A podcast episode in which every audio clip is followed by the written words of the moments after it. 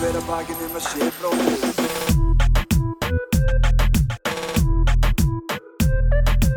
Fyrir hver að bakinn um að sé bróðir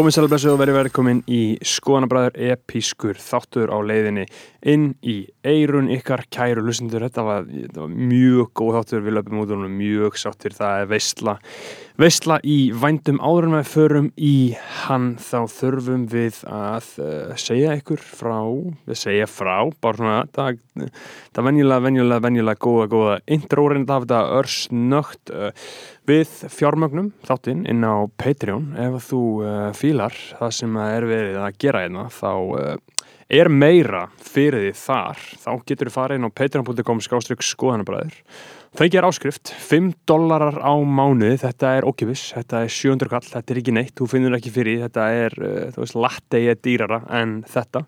Og þá farið þú uh, fjóra þætti á mánuði, við gefum út auka þátt uh, í hverja einustu viku á alla þriði dag inn á Patreon, það er alls konar stöð það er bara gert seri um Drake, gert seri um Kanye gert, seri um Norðurlöndin síðan bara tölum við pólitík, þú veist, bara whatever sko, það er allt þar inni fyrir uh, alla, eitthvað fyrir alla. Endilega tjekkið á því sem, sem getur líka fengið 10 dólar áskrift og þá hlusta á þennan þátt uh, fyrr í rauninni. Það er uh, helviti, helviti gott dæmi þar sko. Síðan eru það þeir sem að borga 30 dólara á mánuði og það eru þeir fá virðingu í nafnin sitt hérna í byrjungastáttar og skrá sig þar með á spjöld mannkynsögunar segjum sem svo ef að Alli Bollason verði ég veit ekki, hvað getur hann orðið einhvers konar, ég veit ekki, fórseti Ma, maður veit ekki, það er bara, þú veist það er ekki hægt að vita. Og þá ertu nafnið komið hérna. Og það eru þeir. Jóhannes Haugur Jóhannesson Andrea Diljá Edvinsdóttir Andrés Arnúr Hafstensson Benedikt Bjarnason Björgvin Helgi Björgvin Ívar Baldursson Brynjar Guðmundsson Erik Olaf Eriksson Geoffrey Huntington Williams Hjörtur Páll Hjartar Hálfdán Sveinsson tónlistamæðurinn Dirb, tjekkja hann á Spotify Júl Dónutin Sturla Snorrason Svafa Sigurðardóttir Tank City Tindur Kárasson X Nonni X Úlfur Árnason og Ari Helgason. Síðan eru það uh, þeir sem að styrkja okkur dýbra styrkja okkur bara á mjög alvarlegan hátt á há alvarlegan hátt.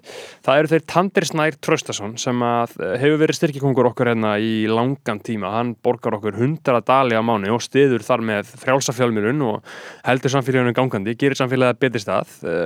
Síðan er það Stefan Daði sem borgar okkur líka 100 dali á mánu, sá mikli king hann heldur þessu niðri, hann heldur þessu sönnu. Síðan er það Sindri Kampan sem að stiður okkur um 105 dali á mánuði. Við bara kunum virkilega mikið að meta alla hennan stóra stöðning frá þessum frábæru frábæru mönnum. En það er einn styrkja kongur það er hann Tumi Gonzo Tumi Björnsson. Hann borgar okkur 170 dollara á mánuði og Tjóðul kunnum við mikið að meita það, það þetta bara skiptir máli, þetta er svo gott, Tumi Gonzo, takk hella hann fyrir að koma í þáttinn til okkar, það verður vonandi góður, góður, góður þáttur. Hann er svona leading up to that. En ég ætla ekki að hafa þetta mikið lengra. Uh, kæru hlustundur uh, njótið þáttarins og gleðilegt sumar. Fyrir hver að bakinn um að sé bróðir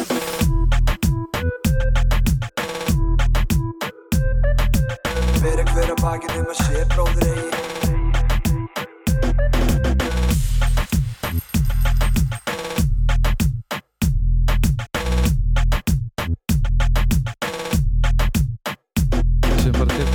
Við erum tilbúin í þetta eins og allir sagði Þið þurfum bara að halda í hendina mér Já, við ætlum með hundunar Við ætlum að Eh, byrja að tala um uh, menningarástandið allir, eða ekki? Menningar ástandið maður uh, Er menningar ástandi gott eða slæmt? Ég myndi segja að það veri gott eða hvað? Er það slæmt?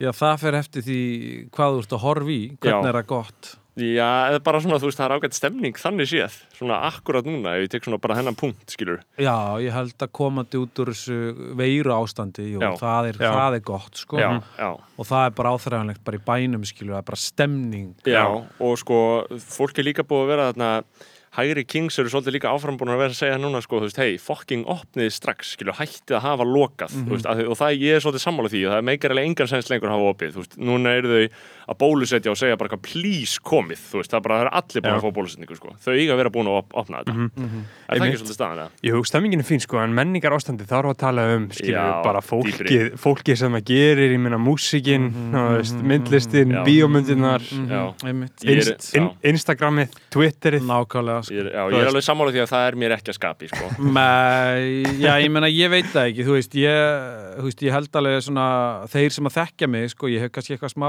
smá orðamur fyrir að vera eitthvað smá fúllkall, sko, að sumuleiti. Rókafellur heimster.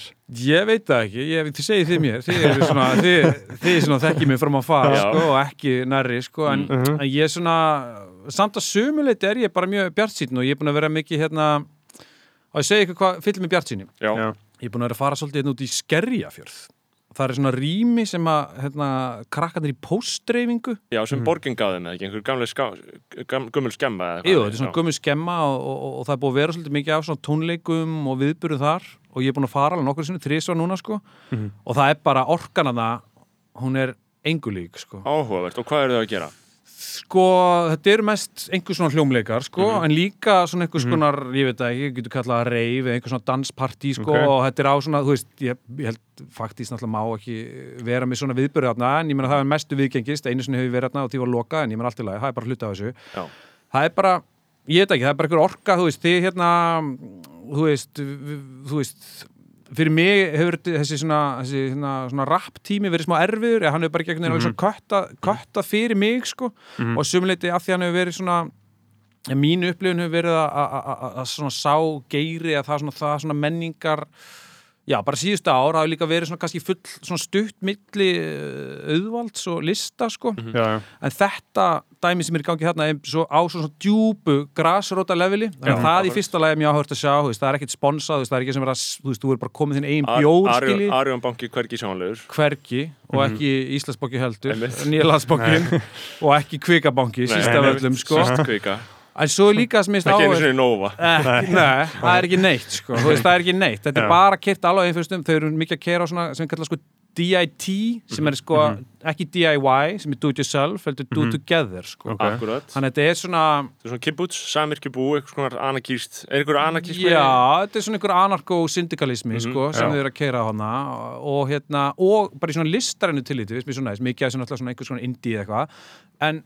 alls ekki, þú veist, það er líka, búst, það er bara hliðin á einhverju geðveikt svona framústefnulegur elektrónik sem er við hliðin á einhverju bara einhverjum spunadæmi, hann er einhvern veginn allt á þetta heima undir sama hatti sko. Já. Það er áhver, áhverð að hugsa að ég get ekki sé fyrir mér uh, rapp spretta upp úr þessu. Það Nei. það er, það er enginn að rappa þarna. Sko ég fór hann reyndar á föstudaginn og Cyber voru eiginlega headliners sko. Já, þeir voru með svona fjáröflunar gig en það er náttúrulega, þú veist, til þess fyrir mig veist, það er frábært hljómsveit af því hún er einmitt svo það er mjög svona arty take á, Mhm. Já. á sko svona rappið sko Já, Já, já, ég myndi líka bara segja að þú veist, allan að núna, allan að nýja platan var bara meira art pop eitthvað, frekar, frekar en rapp, sko. já. já, en úr svona hip-hop jarði Já, já, já, já. síður, kannski, já, einmitt Sko, það er eitthvað ósamræmanlegt þarna við þetta tvent og ég veit ekki alveg hvað það er. Uh, af því að, þú veist ég meina einmitt, þú veist uh, það, það er alveg rétt hjá þér eins og varst að tala um það er einhver, uh, það hefur horfið öll uh, andspyrnan úr rappi og bara hún var þarna einhvern tímann en hún er ekki lengur þarna það er að segja svona einhver, einhver, einhver svona samfélagslega andspyrna í víðum skilningi hún er ekki lengur til staðar í því rappi sem við fáum núna eh, En þú veist, það, það hefur náttúrulega alltaf bara verið erpur já, frá upphæð. Íslandi, Á- á Íslandi. allana sem hefur orðið mainstream sem, Já. slík, sem það, slíkt það hefur náttúrulega bara verið hann. Það Já. hefur aldrei neitt annar verið í einhverju andstöðu og verið tekið marka og þetta hafa verið einhverju gaurar á já, og já, nýtt þessi eru hiphop. bólufreðinir og, og segja Já. eitthvað og eitthvað Einmitt. skilur En erpur er svo eini sem að, þú veist, hefur Mhm. svona... en þetta er eitthvað allt annað, þú veist, þetta er bara reif og þetta er þarna, já, þú veist, kannski bara allt önnur pæling í lífinu, sko. Þetta er bara önnur pæling í lífinu skilja, Já. þú veist, ég, þú veist þetta er bara smá svona eitthvað meira svona eitthvað MH megin í lífinu Já, heldur já. en Vestló megin sko. Já, og vill ekkert hafa með versló hliðina að gera Ekki skilurðu, neitt, að, hitt, að rappið er svona einhver leiti spurningum og, og, það er líka bara bundið í hugmyndafræði allra, allra listarinnar og svona orðræðinar að skilur þar hljótir þau að þurfa að rýsa upp og upp og upp og upp skilur hitt er ekki á leiðinni upp heldur svona veginn bara í einhver aðra átt kannski. Ég er svo sem ekki sérfræðingur því svona sko út af fyrir sig en þú veist eins og þetta hefur verið alltaf þessi setni bylgja eins og hún hefur spilast hérlendis var kannski meira í þá átt. Já, einhvern veginn myndi ég segja þú veist að, að, að svona, hún fór á, að, já, fór mér mikið út í, út í það sko. Já. ég Eh, Hefur ekki verið erfitt að vera anti-rap þegar rap er aðar? Ég er ekki anti-rap og það er kannski, við kannski ættum ekki að vera að tala alltaf mikið um rap af því ég veit ekki það mikið um rap sko, Nei, nei, en hérna, ég er bara anti-allt Já, alltaf, sko. já, já. Já, þú veist, ég er bara anti, ég er anti-mainstream Akkurat. ég er það alltaf sko Já. Já, já. og þú veist, og það er alveg gert grína einhverju svona, hérna, þú veist, einhverju svona hipsterisma, skiljið, þú veist, það er gert grína því að, heyrðu, þú veist, ég var að hlusta á þetta ára og það var cool, skiljið, en það er samt í alvörunni einhver svona speki sem að ég smá Já. aðhællist, ekki þeim skil ekki ég afneiti einn tilfinningum með eitthvað, en þú veist, þú veist, ef maður ætlar að vera eitthvað svona hreyfiafl, þú veist, þá verður maður bara að synda á móti strömmnum, þú veist, þetta er bara, þetta bara hegelsk díalekti, skilju, Já. þú verður bara að vinna á móti því sem er til þess að hreyfa allt batterið áfram, sko. Já, ég held sko að maður ánetjist hins vegar uh, vondri list sem bara eins og eiturlegum sko. Þú veist, ég held að ég sé háður vondri list. Ég, bara, ég er að hugsa það núna skilja því veist, ég er sammála þessum hugsunum en ég er samt ekki að synda á móti strömmnum í neinu tilliti sko í tónlist. Það bara af og frá að ræða. Ég hef bara rétt svona snerti yfirborðið skilur. Það er líka bara rosalega erfitt, það fyrir mikil orka í það Já, Það er vinna. Já, Já vinna. ég meina, þú ræsir ekki bara Spotify og setur eitthvað mút í það er það gang. sem Nei. ég geri. Ég bara fer á Spotify, bara vinsæli lat latínó playlista og bara búm, búm, búm, búm, Já, búm, í já, haustum á mig bara meðan ég er í rektinni, sko. Ég er bara, þetta er bara sevjun, þetta er bara mús sevjun, bara, ég er bara sevja mig, sko. En þá er, sko, myndi ég næstu segja að tónlistin er ekki sko, hlutverki listar. Nei, Þar er hún bara í hlutverki svona veggfóðus, eða þú veist, því sem að kalla músak, sem að minnst, þú veist, minnst, ég stundu kalla íslensk sko tónlast, sko. já, einmitt, sem er bara svona vegfóður, já. Já, sem er Já. bara, og þú veist, málið er að þú veist, sko, sko ein og sama tónlistin getur verið presenteruð í, í, í, í óleikum samhengjum, skiljið, Mhm, þú veist, bara, spurningi það bara vera, þú veist, erum við að, þú veist, viljum við fá eitthvað meira út úr þessu, heldur en bara einmitt þetta, þessa svona einhverja svona, einhverja svona lau- laus skilgreinda, einhverja svona áferði sem í bara einhverja svona lykt, skiljið. Já, akkurat. Já, Og, einmitt og ætla að sé rétt, réttlætanlegt að vilja það ekki, þú veist, bara, Ég meina, þú veist, það þurfi ekki allir að vera einhverjir pælarar, Nei. en ég held að við þurfum samt, sko, að- þú veist, ég held, ég held að sé úrslega leðilegt að, uh, þú veist, það er, við tölum bara, horfum bara í Íslands, Íslands samíki, skilji, þú veist, þú gefur út plötu í dag og, jú, jú, þú farir einhverja Spotify hlustunatölur, skilji, eftir viku og þú farir svona og svona mörg like á postinum að hei, ég var ekki út plötu. En það eru hér upp í leinu viðbyrðið sem þú færð og svo eru ykkur félagin skilu sem að hérna klappar að baki og segir, heyri, djöðl er þetta flott hann að blata eitthvað.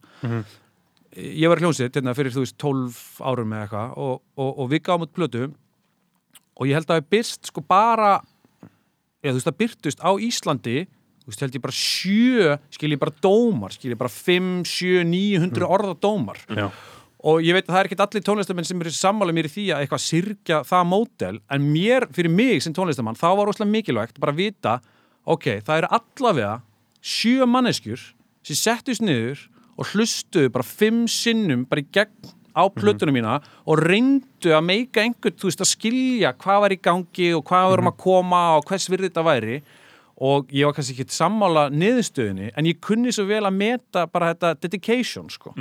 Og ég ég myndi ekki vilja vera að gefa út plötur í dag og, og, og bara svona þetta hildýpja því svo bara komin önnur plata morgun og svo önnur eftir það og þú veist og það er ekki það er engin, það er ekki sem staldra við sko til þess að sinni svo, svo er þetta bara horfa inn í einhvern mood playlista og þú veist, ég held að það sé svo leðilegt sko. ég held að, ég held að þú veist að sömuleiti skuldum við, að við skuldum við mikið en það væri næs ef að tónlistamenn hefðu ég veit ekki bara aðgang að þessari svona dý, dýpri tengingu við hlustendur sína sko. Já, já, og, og einhverju umræðu, þú veist, maður vill alltaf bara heyra eitthvað sagt Já. um það sem maður er að gera, Já. skilur, þú veist, það kemur eitthvað og maður bara, maður er, maður er alveg sama bara svo lengi sem það er augljóst af manneskjan sem segir eitthvað bara neitti efnisins, skilur, Já, já, ég held já, það sem mikils virði, en það segir engin neitt núna. Nei, eins og til dæmis núna, við erum að taka þetta upp á þriðju degi, 20. og eitthvað júni, hvaða dagsending er þetta? Þetta hún myndi vera 2003 júní. 23. Aron Kahn er að gefa plötu núna á föstudaginn Mhm. og það er svona, jú, eftirvænting skilur, Já. hann er ekki gefið út plötu í þrjú ár Mm. og það er bara svona uh, stemming, I'm a Og- fan, sko, ég get það, sko einmitt, Aron Kahn er alveg magnaður, sko. Já. og þarna þú veist, hvernig verður umfjöllin um það það er einmitt, þú- það er rétt sem hún segir, þetta verður bara dæmt í lækum og hlustunum Já, Já, og það that's er, it. og já, það er bara leiðilt, þú veist, það er leiðilt fyrir hann og bara allir sem koma að þessari plötu Mhm. en það er líka leiðilt fyrir okkur sem samfélag, sko. Já. umfjöllinu verður sko, það verður heldur partí á fyrstæðin og það verða svona einhverjur Instagram stemning þar mögulega og þú veist á mestalagi að DFF gerir því skil að partíið hafi átt sér stað og embeddi Instagram póstana inn í grein Já. sem eru 40 orð Mhm. það er, þú veist, það er, það er þú veist, það er, það er, þessar, það er ígildi þeirra sjö greina sem komu út Já, um, sem ég býstu að hafi verið um spre sprengjuhöllina reyndar, þá eru menn í sjálfbóðinu Ill texti og. Ill rap memes Já. það eru Instagram síður tveir gaurar með Instagram síður Ok, uh, ok. ágætlega mikið af followerum Já. sem eru svona. Sem eru svona að fjalla smá svona um uh, íslenskt rap og íslenskt pop svona, uh, af því þetta er náttúrulega intersektar rosalega mikið. Mjög mikið. og þeir eru að fjalla um þetta á svona sikkoran hátt. Ill textið er svona aðeins alvarlegri myndi ég segja sko, hann er með meira svona fróðleik og ill rap meme sem meira svona að djóka sko. Mhm. en þeir sinna náttúrulega mjög mikilvæg hlutverki. Uh, til sko- að, að setja hluti svona dót í samhengi sko. En, en í þessu, þetta, það er alltaf að tala um bara sa- í- Ísland og þetta er náttúrulega bara mjög gömul umræða, skilur, um hversu, á hversu lágu plæni gaggrínin er hérna. Og við höfum örgulega tekið hana hundra sem í skoðanabræðurum en þetta er áhugaverð umræða en svo hún segir eitthvað, held ég, um, um bara umræðuna í heild.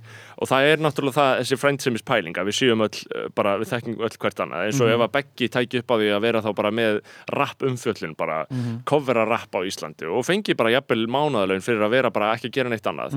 Uh, sem þannig að þú gerir reyndar einhver leiti Beggi með þessum þætti hinum. En ég er að segja skilur, þú veist, ef þetta væri bara skrifaðar greinar sem eru vel að merkja allt annað en podcast gas, Já. þú veist, það er bara annars eðlis. Uh, þá uh, væ- værir þú svo fljótur uh, og ert náttúrulega þegar komin í þá stöðu að þú bara þekkir fólkið of vel að þú Já. bara gætir ekki sagt þetta viti Já, Nei, nei, ég, ég get aldrei sagt þetta viti Nei. En aðtöðið samt sko, þú veist, aðalmáli er ekki að komast að því, þú veist, e, þú veist, að skveð upp úr einhver dóm hvort þetta sé gott eða slæmt. Þú, bara, þú veist, spurningin bara, hvað er þetta? Hvað Já. er ég með í höndunum, skilur, Já. um hvað, veist, í, í tilfelli rap, skilur, bara um hvað er verið að fjalla, þú veist, í, í samengi við hvað, þú veist, hvaðan er þessi bít að koma, hvað segir þetta okkur, skilur, er þetta eitthvað stærra heldur en bara eitthvað mút? Og, og, og, og, og í þeim skilningi, skilur, þarf ekki að vera svo bundin af ég veit ekki, skilur einhverju frændsemi, þú veist, og ein leið bara fram með því er, raun, er reynlega að staldra bara þar við, skilur, og segja ekkert hvað þér fannst í Nei, rauninni, nei. sko heldur meira bara, þú veist, veist ekki hvað þið fannst um þetta, heldur bara hva, hve- hvernig, sko hvernig var þetta að virka á þig, skilur Mhm. þá, ég meina bara, bara þú veist, bara mekanist, skilur, næstu því Já, akkurat, Já. nákvæmlega, bara, þú, bara hvað hva, hva bletti þetta snerti Já. Akkurat, Eh, já.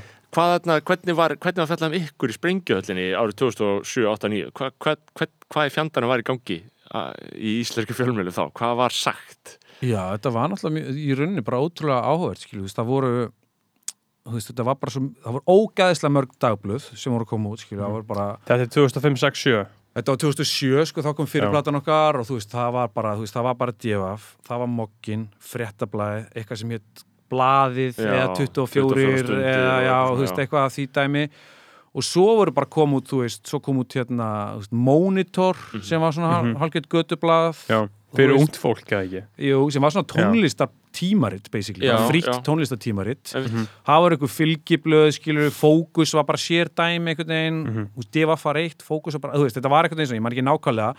En þar fyrir utan voru síðan bara fullt af bara bloggum, skilur mm. Þú veist, sem voru ekki, þú veist, það var bara eitthvað kistan.is, skilur, sem var bara svona menningar tímaritt á netinu og, og fullt, og bara fólk sem held bara út einhverjum bloggum, skilur. Þannig að Uh, þetta var Lesbók- mikið ennþá, morgunblasi skilur það var mega umræð það er alltaf Já. einhverju viku einhvern veginn og, og þú veist, ég menn þetta er ekki alveg farið en þetta er bara svona búið að breyta svolítið form og svolítið, og það er svona glatast einhver svona ég veit ekki, bara, þú veist, þetta er bara um að staldra við þegar svolítið held ég glatast sko alltaf fyrir mjög marga, ég meina, þetta er bara, þú veist, fólk neytir þessu, þú veist, allra þessar miðla á sínum megin fósettum, en, en svona heilt yfir held ég, sko. Mhm. Uh, en við fengum bara, við, þessi plata laðist bara mjög vel í fólk, sko. bara Fyr, mjög vel. Fyrri platan þá Já, fyrir Já. platan, setni, hún var algjört flopp, sko. Já. Já, alveg, hann man engin eftir henni, sko. Hvern. Hvernig var það? Það var, E- Er allir bangararnir á fyrri plötu? Já, já, það er allir þar sko. Já. um, svo bara fórum við beint í við, við bara með svona pælingu sko, um að halda bara beint áfram þú veist, Já. gera bara plötu strax næsta Já. haust og kerðum bara á það og hérna uh, já, við vorum bara við vorum bara riding high Já, já. það bara gengið mjög vel og, hérna, Einmitt. Uh, og við fórum í, gerum ykkur nokkur lótum í ykkur sumbústum og þetta var stór plata, 15 lag plata sko, mm svona 60 mínútur eða eitthvað. Mhm. og við vorum svona, við vorum bara settið það bara saman ekki bara, já, þetta er bara eins og hvíta albúmi þetta er bara alls konar lög, þetta er bara mikið og stórt einhvern veginn. Uh, en svo sko gerðist það, það kemur líka það var, hér var hrun sko. Já, Já, já. og það gerist þetta í millitíð það, gerist bara í alvörunni bara þú veist, ég held að hruni verði kannski svona þrejum vikum ára plata kemur út. Mhm. og ég veit ekki hvort það gerist alveg svona strax á einhvern svona kannski meðvitaðan hátt en ég held að með svona ómeðvitum hætti samt þá líka sko þá verðum við svolítið svona, við vorum kannski svona smá hrun já. band sko, eða svona Eða góðarit band svona góðar í spand, já, nefnilega. Og við vorum svolítið, og það var svolítið sem við spilum á og þess vegna er ákveðin svona hræstni í mér sko, hvernig ég, hérna veist, á þessu sem við byrjum að tala um með, sko, hérna, með rappið og það er að við vorum alltaf stoltir af því hvernig við svona hengum í sko pilsfaldi auðvaldsins. Að okkur fannst það vera þú veist, það var svolítið svona kannski, þú veist, þó það hafi verið kannski anda uh, þjóðfélagsins eins og það var að þróast að þeim tíma þá var það samt mjög svona gegn andanum í tónlistasinnunni þannig að við til dæmis gáum út hjá senu sem að fyrir band eins og okkur sem að vorum þrátt fyrir allt einhvers konar indie-band, ég meina við vorum ekki skilji í einhverju svona Eurovision hugleðingum eða einhverju svona sveitabala, við vorum svona left field Já. þó við höfum síðan saksað á hann popmarkað. En við vorum síðan, ok, en herðu, við erum svona left field og við erum svona pop er eitthvað aðeins að kveikja á okkur við bara hérna förum með senu og erum bara alltaf að partnera hérna bara með eitthvað mbl.is í eitthvað svona okkur fannst það að vera smá cool okkur fannst það að vera eitthvað svona bara, við varum eitthvað að stokka upp í Já. andrúsloftinu í þessum, þessum svona indie senu sko. Og svo held ég kannski það hafi bara ekkit þótt mjög eh, cool lengur sko, eftir Nei. einhvern veginn hruni og, og þá hafði kannski exposast bara já, kannski hrifumst við bara með góðærunni í þeim skilningi sko. Já. en þú veist, jú, nú er ég líka hugsa, ég veit ekki nákvæmlega hvort þetta var svona í okkur, en ég held að það hafi kannski orðið svona það sem mjög var sko. áhugaverð sögurskýring bara, Og voruð þið, öðna, græða mikið peninga? Lifið þið á þessu? Nei, engin okkar lifði bara á þessu ekki bara nokkur helviti góð gig á einhverjum ársatíðum og eitthvað svona skilur Þetta fyrir jú, Já, algjörlega sko, og eh, það er nefnilega eh, svona pælinga mitt að því að svona út á við og, og kannski svona að upplæði þá áttu þið auðvitað að gáðu ykkur út fyrir að vera eru ungir Mhm. og þú veist left field, auðvitað svona bara mm einhver svona uppreisn í þessu að einhverju leiti eða svona Mhm, mhm. supposedly Það var gegn, Einhvern einhverjum einhvern Já, já. veginn að og, móti. og þá sko, gerir maður það stundum sem einmitt svona, einhver svona, með einhver svona hint af ádeilu að Mm. vera til mig þá í, í segjan allt í henni slagtói við skiluru fjármálaöflin sko. Algjörlega. Já. Já. En því skal alveg til haldið til haga líka að ég held að þessi bara plata hafi ekki verið nóg góð sko. Og það er mjög fyndið að hérna, veist, það var bara margt, veist, við bara þurftum að vinna henni í flýti þú en hún kom bæði- út bara þarna, í kringur hrunni hún kom bara út, að loka oktober, Já, skilu, einmitt. 2008 eða eitthvað, og hérna um, hvernig var sá tími, þú veist, hvað í fokkan var að gerast þannig, þú varst hvað, 20 og 30 ára. 23 ára, Já. 2008 Já, já, Já. ok, þú varst Eh, jafn gamall og ég næstu þá, Já. Við sko, já bara, þetta var bara klikkaði tími, þetta var alltaf bara mjög áhugavert sko, ég var að vinna á forlæginu, hérna bókaútgáfunni á þessum tíma. Og uh, sem er á þessum hotninu á Bræðarborgastíg og uh, Ránagötu og ég meina hann, já, ég, þú veist, hvenær var það árið, þú veist, ég var alltaf bara að fara nýra bara, þeirra alþykisúsi, bara einhver mótmælum sko, bara alveg grimmum mótmælum sko, í bara, hruninu þegar það, já, Já, svona þegar það var að blossa upp að Já. allt við þinghúsi sko. Það voru rosalega mótmæla, ekki? Það var rosalega mótmæli, Gas. rosalegast var samt þarna, nei, gas var fyrr sko. það Já. var þarna þegar hann var þarna að sturla Jónsson vörubílstjóri og stoppaði umförun upp, upp á höfða sko. Mm. en, er, en, en þú veist, það var í aðdrandast þú veist, Já. það, Það var kannski árið, nei, það var, Já, svona, einmitt, það var það fyrr sko, það var eiginlega í góðærinu og það var líka í eiginlega góðærunni sem var alltaf þetta upplöp í ráðhúsinu þannig að voru alveg svolítið svona, það var svolítið að sjóða yfir í aðdraðanda hrunsins sjálfs sko. Já, þú veist, margt af því kannski þóttu bara að vera eitthvað að mér eitthvað svona pólitískar hrókeringar en ég meni, ég held að þetta hafi samt á- allt átt sömu rót, sko, Já, sem að var að það var bara að vera til, já, eitthvað svona ójafnvegi, sko, en þetta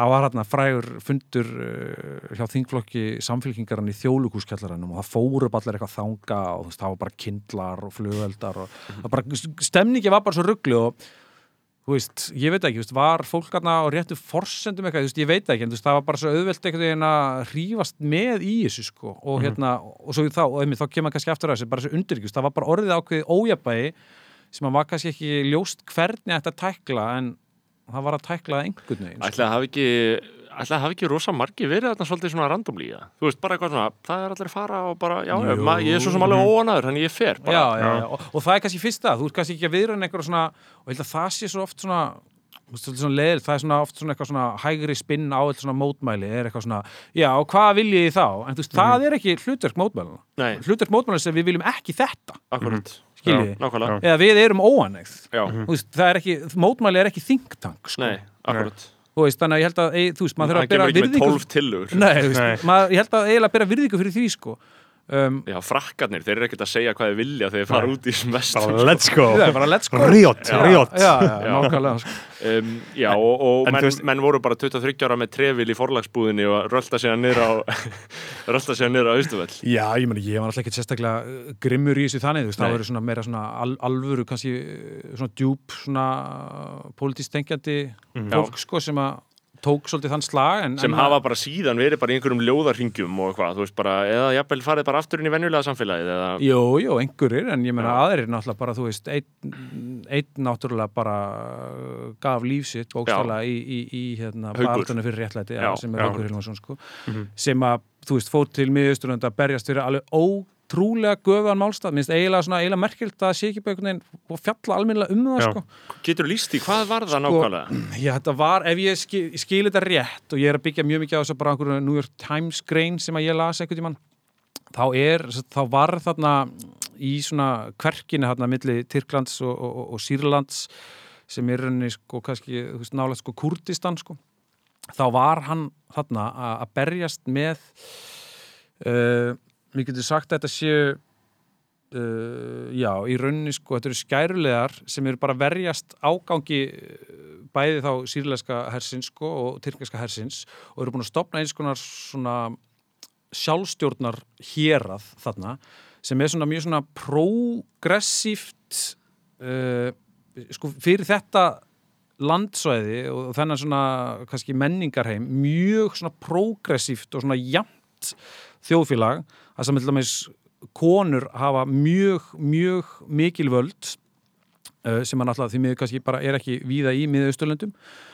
uh, og hann var í rauninni bara málalið fyrir þetta sko sjálfstundahérað og var að Já. verja það sko mm, Þannig að þetta var einhver svona útópíu pæling sem hann Já, þetta að var einhvers konar, þetta var einhvers Einhver konar einhvers tilraun, konar- já, einhvers konar svona tilraun, sko. Já. Ég vildi ég kynni að segja betur frá þessu, sko, mhm. en hérna, En einmitt. ég vissi ekki að við færum þangað, sko. Já, Þarna, nei, en, en hvað voru að tala um? Voru við ekki að tala um, um að um? Jú, einmitt, um hvert þetta mót- fólk rataði sem Já, var að mótmæla. og, og mótmælin, ég meina, er ekki bara að vera að handtaka þetta lið í dag eða?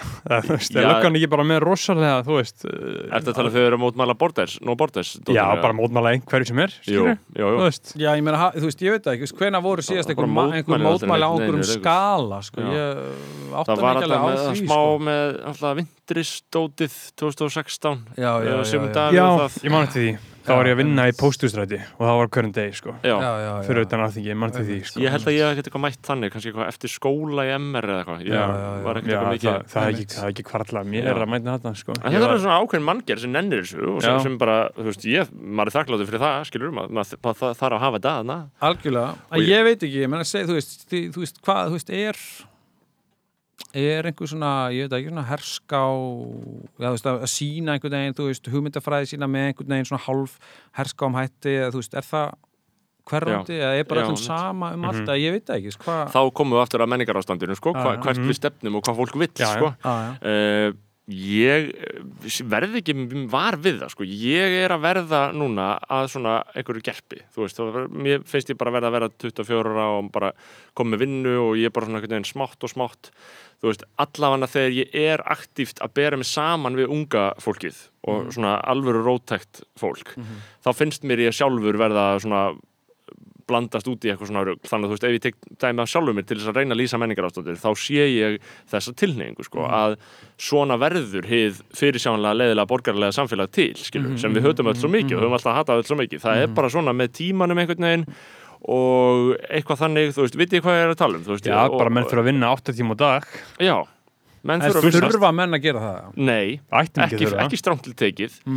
Nei, Sko ég held að þessi bara fólk það bara mjög mikið að endur kalibrera bara hvað það vill fá og eftir hverju það er að sækjast. Ég meina auðvitað bara, þú veist, það er bara mjög næs að bara geta átt eitthvað íbúð og eitthvað en svo það bara segja stopp sko. Og Já. þú veist, þú þarft ekki ég held raunverulega, og ég heyri, ég heyri það var eitthvað að tala um að í sko, til dæmis mjög víða í Skandinavíu það er að vera til svona, svona ástand það sem að það er svona ákveðin ábyrðar fælni, getur við sagt, þú veist, það er bara erfitt að fá stjórnendur í fyrirtæki að það vill ekki verða stjórnandi. Einmitt, og þetta trýta kannski eins og þetta sé eitthvað vandamál fyrir hagkerfið, en fyrir mig er þetta, frábært. Þetta er frábært, þetta er laust af því að þú veist, ég, þú veist þessi hugmynd um pff, bara svona success ég held að þetta sé algjörlega gjaldþróta og ömuleg hugmynd. Já, þú veist, til hvers, fyrir hvern skiljið, þú veist, þetta er bara þetta er allt bara eitthvað showmanship, þetta er arfur af einhverju svona kalvinísku eitthvað svona kalvinísku vinnusýðferði mm. þar sem að því meira þú vinnur, bara því meira, þú veist, því, því, því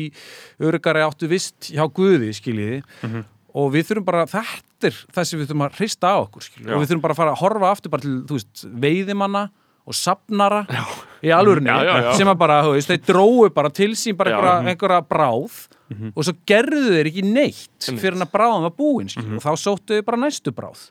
Og svona eigum við miklu frekar að- vera, vera held ég að haga líf okkar sko. Ég held að við séum först í einhverju kviksindi af eh, svona þessum metnaðarpælingum. Mhm. mm veist, ég held að það sé alveg rétt að sko, fólk er í atvinnulífinu núna á hamstra hjólinu En sko, og það er að hugsa upp. metnar fyrir hverju, skilur Hva, hver er tilgangurinn að uh, útskrifastur háskóla og fá vinni í Arjónbanka og vera promoted, promoted, promoted, promoted fá meiri pening, metnaðurinn hvar, fyrir hverju? Það er sem Já, ég er að segja. það er það sem ég er líka að spura en ég er með, ég er með aðna, reglu sem er bara never get promoted. Þú átt ekki að fá stöðu eitthvað. Þú átt bara, það, það er, það er sérstaklega í blaðamennsku til dæmis. Það er bara að versta sem þú getur gert ever er að fá stöðu eitthvað. Það er þá sko með mannaforráð ábyrð á einhverju sem einhver halvviti er líka skrifa skilur það er nóg með sjálfa sko. Það er nógu erfitt að bera ábyrð á því. Einmitt. en sko, þú veist en í, öð, á öðrum sviðum og líka sérstaklega hjá öllu þessu fólki sem er að fara úr blaðamennsku í eitthvað ömulegt drasl þú veist, þar er þarna, að tala um upplýsingar Já. fulltrúa. Já.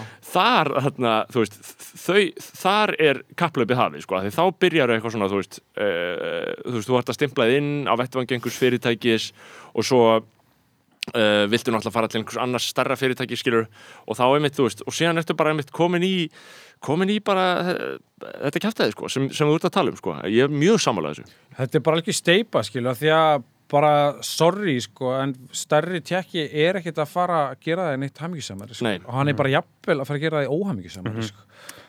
Hvað er það allir ráða? Veist, hvernig getum við undið ofan að þessu í samfélaginu? Meina, hva, hva, hva, Þetta er náttúrulega, sko, málið, það er náttúrulega hagur auðvaldsins að við vinnum mikið, af því þannig græðir auðvaldi meira, sko. Þú veist, þannig hefur það okkur að fjöðhúfu, sko. Já, Þannig að, og það er náttúrulega áróður allstað fyrir þessu, ég menna, þú veist, ég nefndi, þú veist, kalvinism með náðan, skilur, en ég menna, það er bara, þú veist, þetta er bara, er bara þú veist, vinnu siðferði er Já. actually bara hugtak, sko, Akkúrat. sem að margir bara tengja við á einhverju djústæðu leveli, sko.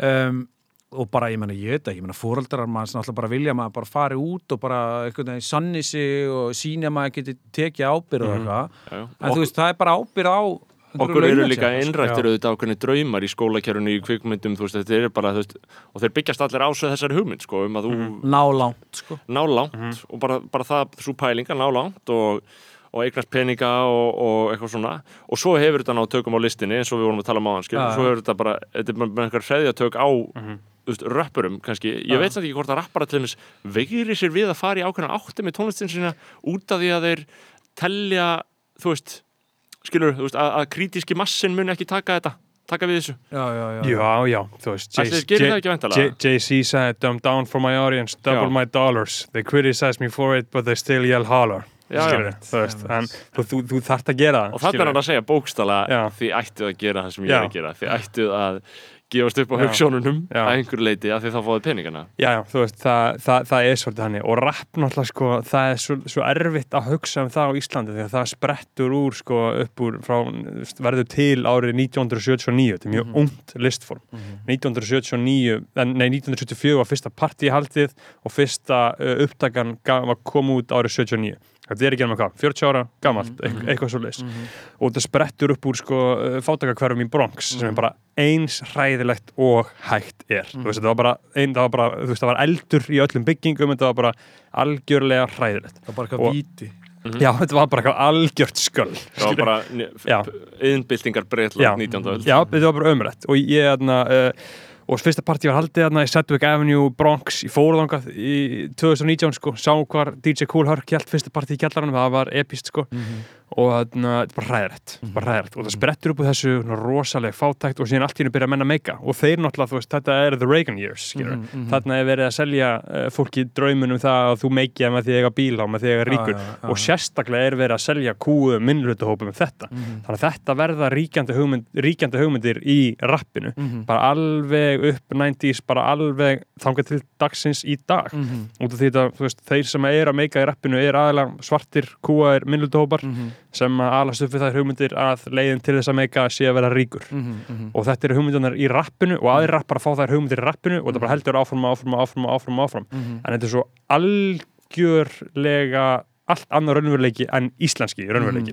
Svo Það sem að- Já, sko. það sem að þú fæðist bara og heyrðu, bara blessaður, velkomin heimur, það ætti ekki að gera neitt. Eða þú veist, hjá Nei, flestum. Mm, svona efri velkomin, millisettar hvað íslendinga viltu gera? Já, bara what do you wanna do, skilur skiptir einhver máli. Þannig er þetta bara, þetta kemur úr einhverju lífsbaráttu. Það sem að það göfuðasta sem þú getur gert er að meika að vera ríkur, skilur en hér er þetta bara einhvern veginn, það er engin barátta fyrir flesta, ég er ekki að þú veist segja þetta sé svona fyrir alla, en fyrir flesta og flesta svona rappara sem hafa meika uh, það er svolítið þannig, þess vegna er þetta svo erfitt að taka þessar hugmyndir bandaríkjana og færa þær alveg úr Ísland. Þú veist, þær eru að þess vegna er svo mikið fyrring á Íslandi með þetta, Mhm. að það guðvast sem þú getur gert er að vera ríkur, skilur einmitt það En- er, en eins og þú, þú aðna, örgulega svona 12, hvernig ertu fættur? 85 12 árum eldur ég.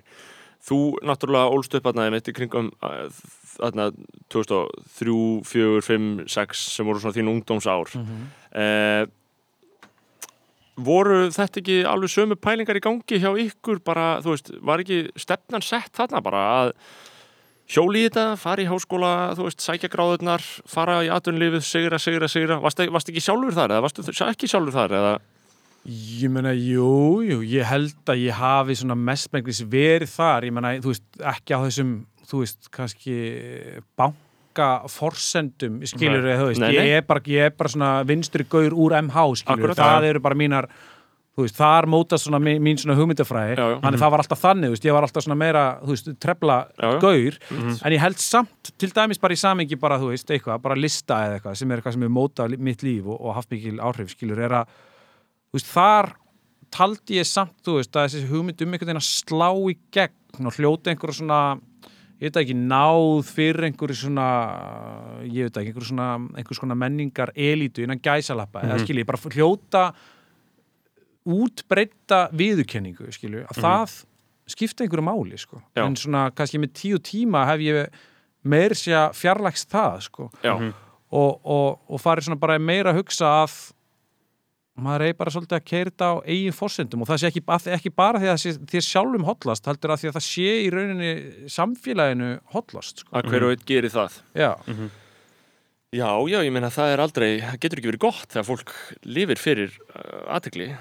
Nei, ég held ekki sko, ég held að það sé ekki gott, ég held að sé ekki eitthvað svona mannskemmandi til Já. lengri tíma sérstaklega sko. að verða frægur uh, mjög hratt á Íslandi Já. það er það ræðilega sem getur gert er fyrir voðin vís í öllum til menn verða gjörsamlega geð já. á þessu Já, þú veist, þetta er bara uh, maður er bara að sé þetta mjög mikið bara ég í, held, í ég kringum held að sig sé ekkert skára annar staðar sko, Nei, bara, veist, vera- verra. Já, verra sko já, já, já, bara Þar deyja menn beinni. já, já, já, já, já. einmitt. já, já.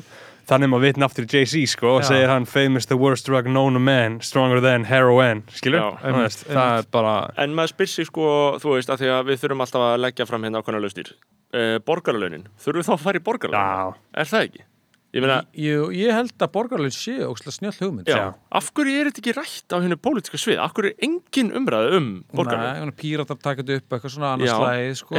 En píratar eru, þú veist, þeir eru ekki, þeir svona, hengja sig ekki við, þú þú- þú veist, ef þú spyrð þau, ertu vinstri maður, þá segja þau nei. Sko. Nei, nei, en ég er samt svona kann svona smá, ég virði það smá við Ég líka, þau, sko, ég því líka. það bara, þú veist, þau segja bara það er bara einhver úröld hugmynd, skilju, sem fjalla bara líka um einhverja svona hagræna pælingar og ég oft svona, þú veist, ég gríp alveg til eitthvað svona vinstur og hægri, alveg bara talsvert, mm Mhm. því mér finnst oft svona þægilegt aðeins að hóla heiminn niður, sko, en auðvitað er þetta miklu flóknara Já. og fyrir mér er það bara shorthand fyrir alls konar viðþorf og jafnvel Mhm. svona maður getur notað í grími, veist, gríni, þú veist, MH og Vestló er eiginlega bara does the same thing, sko. Nákvæmlega, nákvæmlega, já, já, þetta er bara gardina versus svona snoppuð já, já og, og, og maður sér núna svona, sérstaklega bandaríska svona uh, kommunista Já. þeir eru að linka með bandaríska allt rætinu skilur þeir, þeir hata svampið svo bara anti-establishment yfirleitt Já, já, já, skilur. einmitt, einmitt. bara hata þetta fucking umræða demokrata, þetta, þetta viðbjóð algjörlega. sem er svona íslenska íslenski sjálfstæðsflokkurinn viðreist samfélgingin ish, einmitt. þannig að þú veist, þetta svona uh,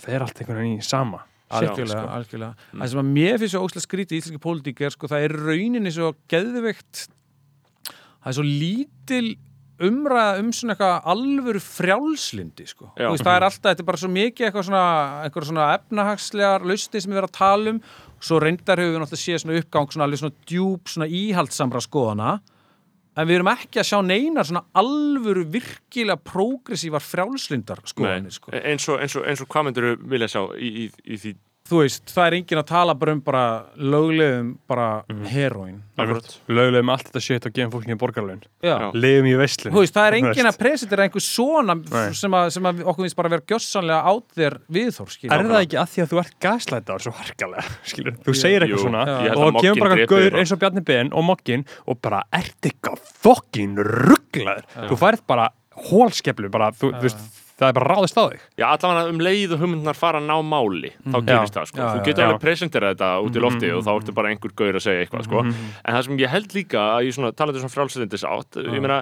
við erum með svona, einmitt, hugmyndir um til þess að breyta mannarna dæminu og svo er ég líka búin að vera mjög hugsið yfir þessu skemmtistæða dæmi núna, en þess að svo umræði hefur komið upp í tengslu við COVID núna, þegar núna fá, fá, fá, fá allan að fara til hálf fimm núna, væntalega eftir svona tvær vikur eða viku í lókmánaðar þess að bara svona status quo, hálf fimm skemmtist að loka hálf fimm um helgar og loka klukkan eitt um, á virkundum uh, Algjörlega. þetta er ekki mjög frjálst fyrirkomulag, þú veist, þetta eru Nei, nei. mjög Þetta er rigid, þetta eru mjög rigid reglur, Já, þetta Þetta eru er- mjög rigid reglur. er þetta eru bullshit. rosalega ósveigjanlegt Og málið er, þú veist, þetta snýst, þú veist, what, þú veist, þetta í rauninni snýst þetta ekkit um jam, skilji. Þetta snýst bara um, þetta er í rauninni bara sama, það er bara að vera að stýra er öllu útgöngubann. drastlinu Já. í, í sama farveg sem er ekki farvegur sem að viðbáðum um, skilju, heldur sem er farvegur sem að þjónar uh, auðvaldinu. já, sko. raunverulega, sko, bara, já, þú veist, bara- að fólk getur bara að fara að vinna, skilju, vinna. daginn eftir og eitthvað svona. það fóla að vera mæti verksmiðuna, skilur Já. Þú veist, maður hefur ekkit frelsi til þess að til dæmis bara kasta lífi sín á glæ.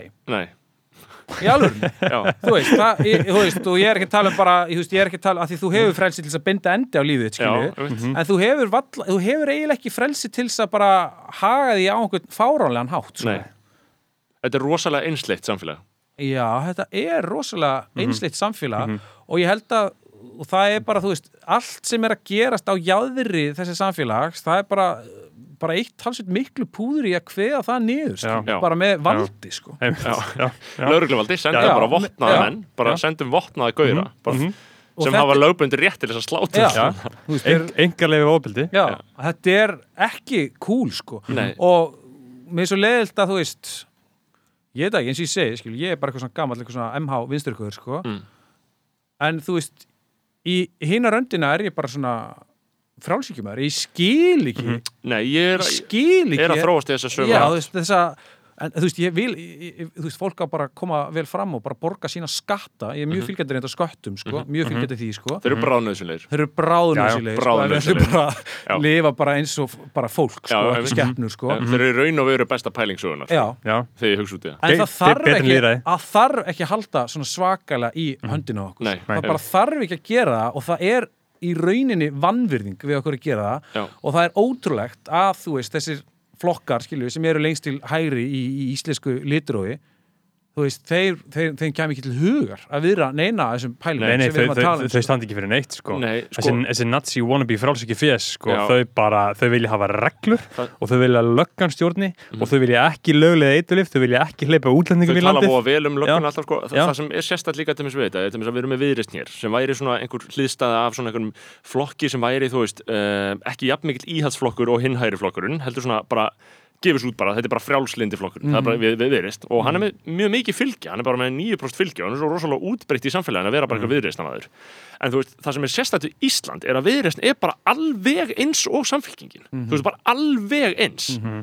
Uh, en þegar við erum með bara Þískaland til dæmis, þar ertu með sósjaldemokrata, bara SPD og það eru bara svona gamli kratar, skilur sem eru bara eitthvað, þú veist, hérna bara aðeins hæri skatta, bara svona bæta einu próst á skattana, en þú veist, en ekkert skulum ekkert vera fokast. Nei, engin flugöldar, nei, engin flugöldar bara, þú veist, bara reyna og, og ja, við skulum ekki bara, ekki ganga frá heilbriðiskerfinu hérna, þú veist, kæri hægriflokkur sem er með okkur í samstarfi alltaf, þú veist, sem er sitju og svo ertu með FDP sem er sko, aðna, demokratis, fræði demokratisi partæi eða eitthvað svona, það er, þú veist, það er viðrist þeirra. Og þeir eru líka með svona 8-9% örugglega.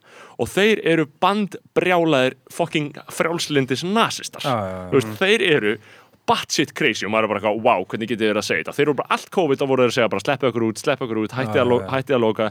Bara þú veist, og bara þeir taka öll verstu frjálslindsteiki heim. Af því að þeir eru bara sá flokkur í hennu politiska litrói en hér eru við bara ekki með þetta, veist, það væru helst píratar sem að myndi einhver, einhver leiti gera ráð fyrir að myndu taka þennan ból og þeir eru, þú veist, það eru þeir sem hafa verið frjálslindasta aflið sko, í stjórnmálum. Mm -hmm. þetta er bara eitthvað svo sorglegt sérstaklega þú veist, fyrir þú veist, sjálfstæðislokkin það sem að eru að nafnið til innanbors bara alls konar frjálshyggjufólk Já. skilur, og ég meina að sumi voru alveg bara eitthvað vókal hana, Brynjar og Sigriður og eitthvað, var hann til þess að þetta COVID-mál og, já. og hérna, eh, gekk vel hjá henni í prófkjörunni Dilja Mist, sem Mhm, er bara ung kona og svona, en þú veist þetta er samt bara ógeðslega íhaldsamt lið sko. Já, alveg bara svona já, fáránlega sko. já, bara akkurat. úldið lið sko. þetta er bara alveg fáránlegt sko. Veist, einmitt. í, í hverju felst ykkar frjálsíkja Já, skilur? akkurat. Já, nákvæmlega, og, og, en þú veist, ég skil ekki bara, ég væri bara, þú veist, af því að ég svolítið kom þetta heila, þetta með skemmtstæðina, því ég fór svo mikið að hugsa um þetta núna, þú veist, því að Áslegu Arna, hún gekk alveg fram fyrir skjöldu og sagði því, sko, nei, nei, það kemur ekki til greina að við ætlum ekki að veit ykkur þetta frelsi aftur, eftir þar að segja Nei, COVID, nei, sko, já. þú veist, og hún bara tók að sérst alveg fram, en þess að hún alltaf, þetta er mjög mikið hennar treytmark og, og það gengur vel að merkja mjög vel fyrir hennar treytmarka sig sem mjög allt frjálsmyndur of en þú veist, og, en ég spurði hana meira þess að bara í viðtali alveg, bara með, með sjónvarskameru fyrir framann og ég spurði bara, en kemur eitthvað til greina að þú veist, ganga lengra og bara einfallega alveg opna, talandi um að unga fólki hafi tekið á sig skell, að leifa fólki þá bara aðeins að lifa hérna í smástund, skilur, og líka á miðvikudegi, bara, þú veist, þá mætti bara vera einhver fokkin klúppur opininn einhvers staðar, hann sá bara lögreglan myndi stoppa.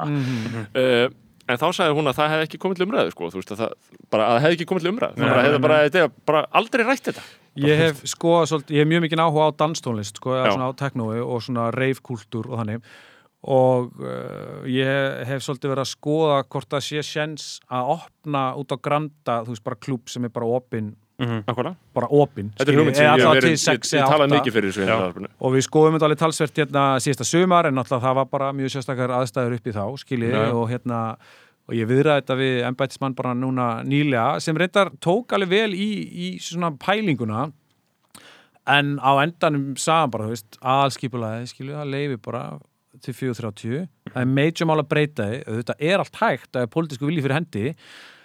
En hann sagði að það verður ekki stemning fyrir þessu til dæmis að því að, sem er bara sama að vera að segja þú veist, það hérna, þú veist, flest kynferðisbrot og ofbeldisbrot skilur verða eftir eitthvað tíma og bara fæn, skilur það er alveg valið Já, rök, skilur akkurat. en við erum samt bara líka fullari fólk, sko. Já, og við erum bara eigum að heita frálsið þegnar. Frjálsið þegnar, já, Já. og þetta er, It's a free country. Þetta er ekki í lagi, sko. Nei, nei, já, ég er sammála og þú veist þú hversu að þessi hafa verið að hafa vit Já, fyrir af því að þetta er rosa mikið bara forsjóra, þetta er bara svona, heyrðu, þú ge- ræður ekki við að lifa þínu lífi, Já. þannig að við verðum bara Setja þér skorður. þér að gera já, já. það. bara, Þú bara mátt ekki gera þú mátt ekki kasta lífinu á glæs. Nei, já, þú mátt, þú veist, þú verður bara, bara mæti vinnuna eitthvað og, og þú bara mátt bara gera allir fjögur um helgar, gjör svo vel, þetta er bara eins og útivistarreglir fyrir fóreldra með eitthvað, þetta er bara svona geðið leiðilegi fóreldra, sko. þetta er það, sko. Eh, og ég skil nefnilega ekki að það mætti ekki bara klúbbur opinn til bara alla nóttina út á Granda alla vikuna bara. Já, bara Já. alla vikuna. Bara ein, ein, eins lengi og sá sem að er að rekka þetta sér fyrir sér Já, að getur bara verið sé fyrir sér að hagstætt sé einhver business Já, í þessu já, já. algjörlega. Þarna, og svo verður þetta kannski bara reynslan svo að þetta sé bara hansi dörti á þrjöðum og miðugtum, þá beilum við bara að hafa opið þá Já, basic. opnar, Algjörlega. opnar á föstasmórni og Algjörlega. lokar á föss svo lengi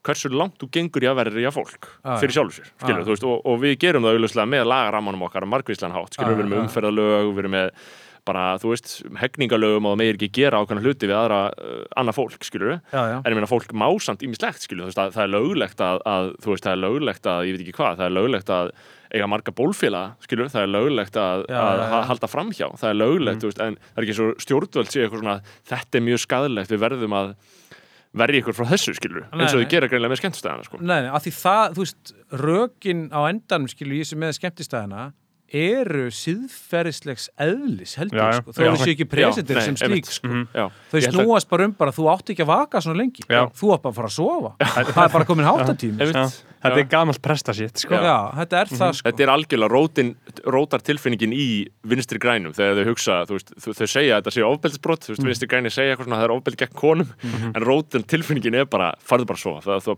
átt ekki að vera að djamma núna, Nákvæmlega, sko. Nákvæmlega. aðtílisvert. Um, En, sko, reif reif tónlistin, dan, Það er þarna, dansinn. uh, reif 3. júli Ég á með miða Já, ertu komið með Ég komið með Já, það. geggja maður. Geðveikt. Er það þannig í kvalferðið, já? Nei, uh, Guðnesi Guðunissi, já. Um, Já, sko. Þú ert já, Eh, Máttu tala um það? já, ég meina, ég, já, ég má tala alveg um þetta reif, sko. Já. Þetta með staðsettingin er ekki, það skýrist í næstu viku. Ok, En það, ég, það það hníga öllu röka því. Já, en Við eigum við getum að bí- kli- bípa þetta út Uh, tökum bara eina, annað tíu seg, stopp.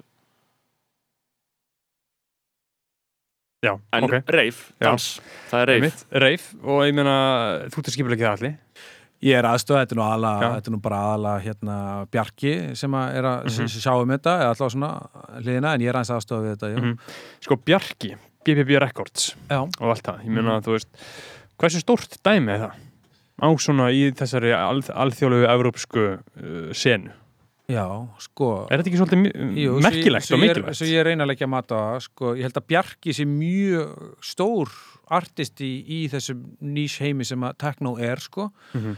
Hvort að leipilið er stórt, Mhm. það svo sem kannski eh, veit ég ekki alveg, en ég meina það, það, það, gengur vel, það eru bara mörg release sem er að koma og ég meina hann er með mörg lögðana sjálfur um, þú veist, ég held að ég held að það sé ekki, þú veist, ég held að hvarðin milli bjarga og leipið sér alltaf, þú veist, það er mjög langt þar á milli, skulum við segja.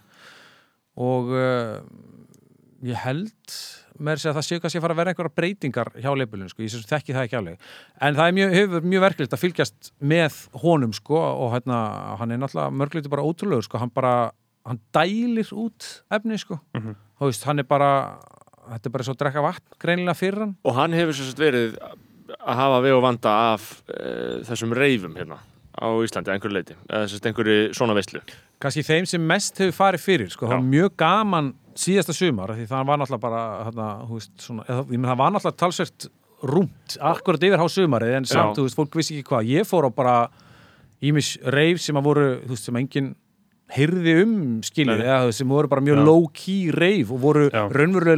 Reif því að það var enginn sem spurði neitt um leifi sko. Nei, og, og maður þannig alltaf líka að, að sko, útskýra það líka bara fyrir hlustendum sko, sem koma kaldir að við, viðfórsendinu sko, hver að, að, að það sé yfirleitt haldin reif á Íslandi kæmi örgulega einhverjum á óvart sko, að þetta sé yfirleitt að eiga sér stað sko. Já, já, og ég held að ég veit það ekki, þú veist, ég, hef- ég er alveg, hef- er eitthvað inn í þessari músík og hef á þessum kultúr en þú veist, fyrir þremur árum held ég að hafa ekkert verið einhver reyf í gangi, sko, allavega ekki að, að- að neinu ráði, en það er núna reyf, náttúrulega alveg reyf er alltaf ólöglegt, sko, það er henni andspyrnu gjörningur, sko, gegn þessu öllu sem við vorum að tala um, sko, gegn lögreglurikinu, sko. Og, og Ritzinett er þetta í Bretlandi eða? Já, sko, þetta er svona reyf eins og við þekkjum það er kannski, já, fyrst og fremst Já. brest fyrirbæri, sko, Ég hugsa bara eitthvað Manchester Já, þetta verður til svona með þessi svona acid house Já. dæmi svona undir lok nýjunda áratugurinn sko, Mhm. og með bara svona uppgangi þessar tónlistar Mhm. og svo, og svo sest, ecstasy lífsins sem að svona, þú veist, kemur þar, þú veist, verður fyrst kannski að einhverju í bandaríkjunum á klubbum í bandaríkjunum Já, já. en springur svo geðið út á Ibiza og kemur hann í gegnum Ibiza til aftur heim, aftur heim til Já. Bretlands Já. og setur, og, og þú veist, það er talað um sko, það er talað um sko sumari 1988 það er kallað sko Second Summer of Love fyrra er þá sko í San Francisco í 60 sko Já.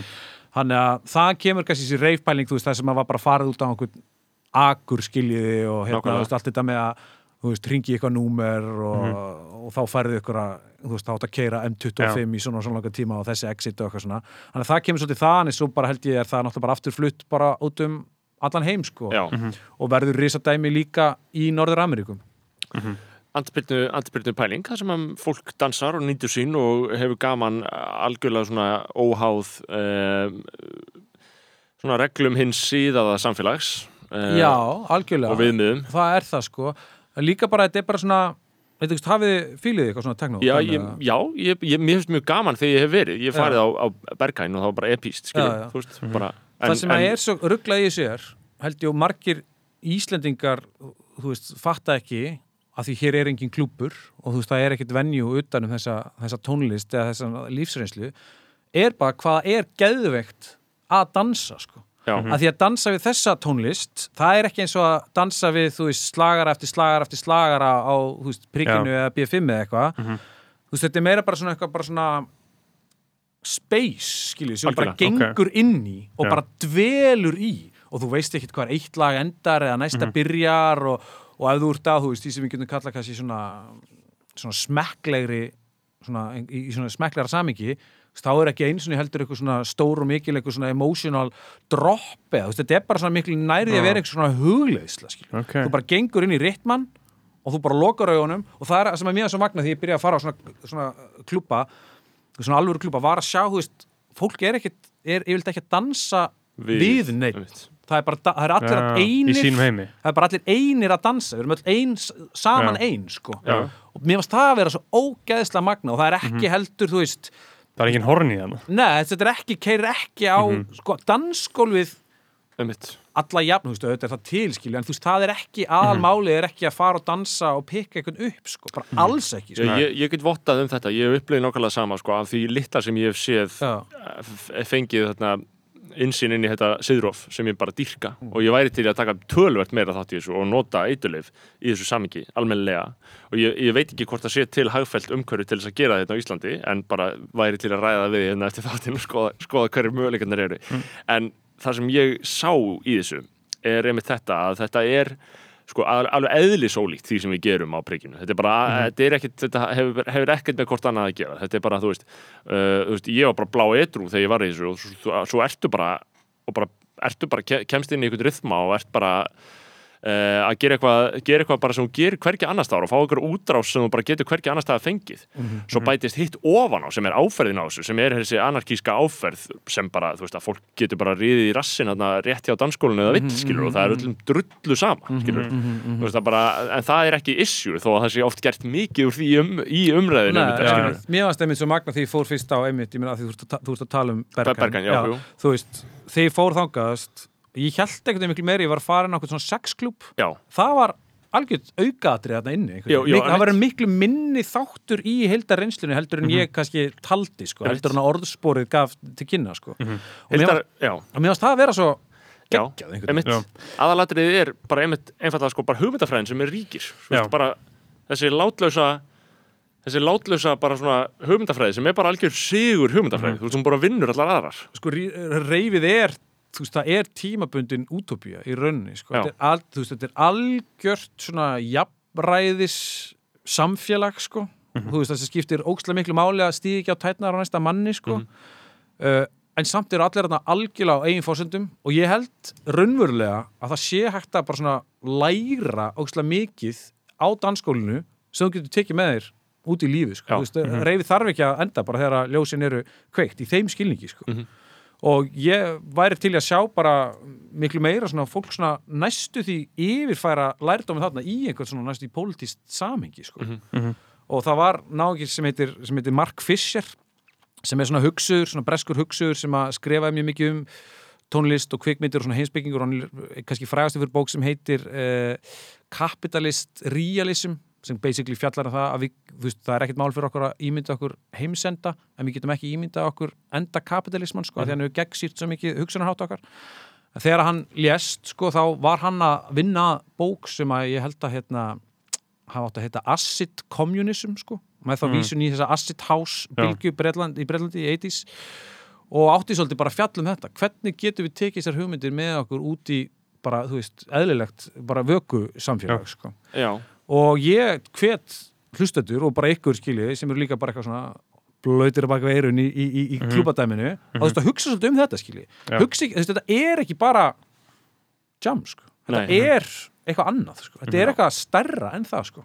Er þetta eitthvað, ég meina, uh, ég hef mikið áhuga á þessu, en hef ekki, en uh, fengið tækifæri til þess að uh, upplifa þetta. Náttúrulega hefur alltaf, hefur alltaf fyllt með rosalega mikil dansskömm, sko, ald, al, al, aldrei geta þú losnar dansað. af hann um leið og þetta kemur hann inn, sko, þú veist, að það er bara ekki það er ekki að sami í gangi sko, þú Nei. þarft ekki að vera að sína þig fyrir Það er þú veist, þetta er ekki, þetta er ekki spurningum að vera að pissa utan einhver, konu þú þú veist, það, það er bara, það er bara regin munu, sko. Uh, en, en það sem ég hugsa líka um þetta í, í þessu, að varst þú að fara að segja eitthvað meira?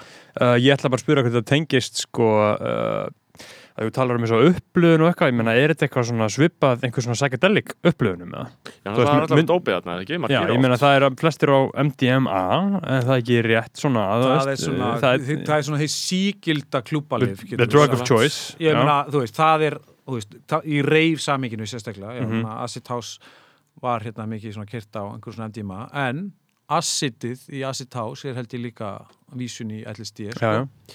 Þannig að jú, jú, þetta er það. En ég held að fyrir marga sem að sko fara fara hann inn og það er eitthvað sem að Snorri getur kannski vitnað um að mörguleiti á þetta bara eitthvað skilt við einhvers svona hugleiðslu sko. Mhm. þú veist að því og það er bara þessi þú veist og, og þá næri þetta líka bara aftur til einhver svona frumbyggja pælingu þetta er bara einhver sláttur, þetta er Mhm. bara trumbusláttur Já, algjörlega og techno er náttúrulega yfirleitt ekki neitt nema bara eitthvað perkusív element og svo bara eitthvað, eitthvað blip og blopp hér skilu, þetta er bara búm, búm, búm, búm, búm allan tíman, bara non-stop bara relentless, skilji og það er náttúrulega bara það sem í gangi, var í gangi bara á sléttum Afriku hérna fyrir einhverjum átta ára stári síðan, sko, það var Já. rauninni bara sami hluturinn, sko, þannig að þetta er svona þú veist, þetta- ég held að þetta sé sko, til að svara spurningunni, þá er þetta psychedelic í einhverjum svona shamanískum skilningi, alveg pottið, sko. Dáleyslu pælingin, bara búm, búm, búm, Já. taktur. Já, Já, og maður finnur það bara, þú veist, í lengur sem þú ert þarna og bara, þú veist, þú, þú hverfur inn í þetta, sko, þú veist, þú bara já, þú getur næstu því stróka, sko, sjálfa þig út af dansskólinu, sko, þú verður bara eitthvað svona eitthvað svona, eitthvað svona vofa, sko. Það sem er náttúrulega lýsandi í þessu er einmitt að, að sko menn hérna áhuga samir um nokkuð, svona nokkuð.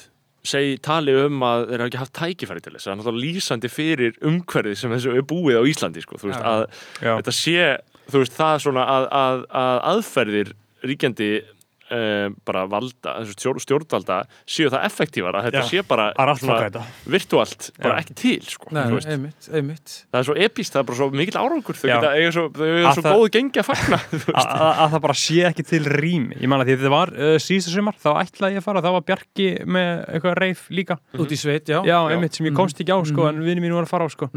Mhm. mist af því, en ég meina að það hefur eh, allavega ekki, mér hefur ekki borist tækifæri, Nei, fyrir nei, nú nei, nei, ég meina það hafa náttúrulega verið þú veist, þetta var hér, eitthvað í 90 skils mér, skilju bara Já. eitthvað dugguvogi og eitthvað svona reif, já, já, og náttúrulega uksi sem er náttúrulega tónlistafestival sem Já, er já. svona smá önnu pæling, en jú, Mhm. með þessu slanti, sko Mhm. en hér hafa náttúrulega verið rekni klubbar, skilji þú veist, það var hérna, þú veist, Rosenberg kjallarinn, þú veist, það þegar ég var alltaf að hlusta á hérna, skýjum ofar á X-inu þegar ég var svona 12-13 ára sko. þá voru alltaf kvöld á Rosenberg og ég meina, ég veit ekki, kannski var Rosenberg bara eins og bara eitthvað, ég veit það ekki, bara kaffibarinn eða eitthvað skiljiði. Mhm.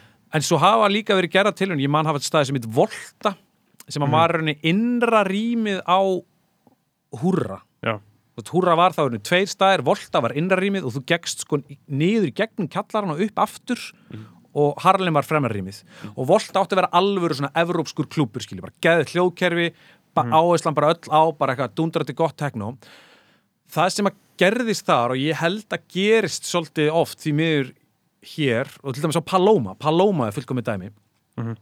er að þetta verður svo lítið áfangastaður uh, svona hvað ég segja, neyslu þyrstra sko, þetta Já. verður bara svona, svona handrukkara spýtt dæmi sko og það er, það engum finnst gaman þar sko. Nei. en þeir einhvern veginn bara, þú veist, taka svolítið yfir þessi rými sko, og þá Ok. er þeim bara sjálfhætt sko. Svona óumflýjanlega og þá, og hérna, og það held ég að skrifist að einhverju leiti á smæð samfélagsins, þetta er á endanum, við erum við kannski ekki að tala um eitthvað gríðarlega marga sem að nenn að fara helgi eftir helgi, Mhm. þú veist, að dansa Þa, það er eitt þáttur í þessu annar er hreinlega einhvers konar reynsluleysi að við geta kalla bara svona mentunarleysi að bara fólk þekkir þetta ekki, skilji.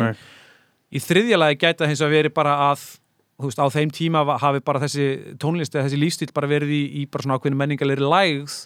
Ég finn fyrir því núna, þú veist, það er miklu meiri áhugi á þessari tónlist Mhm.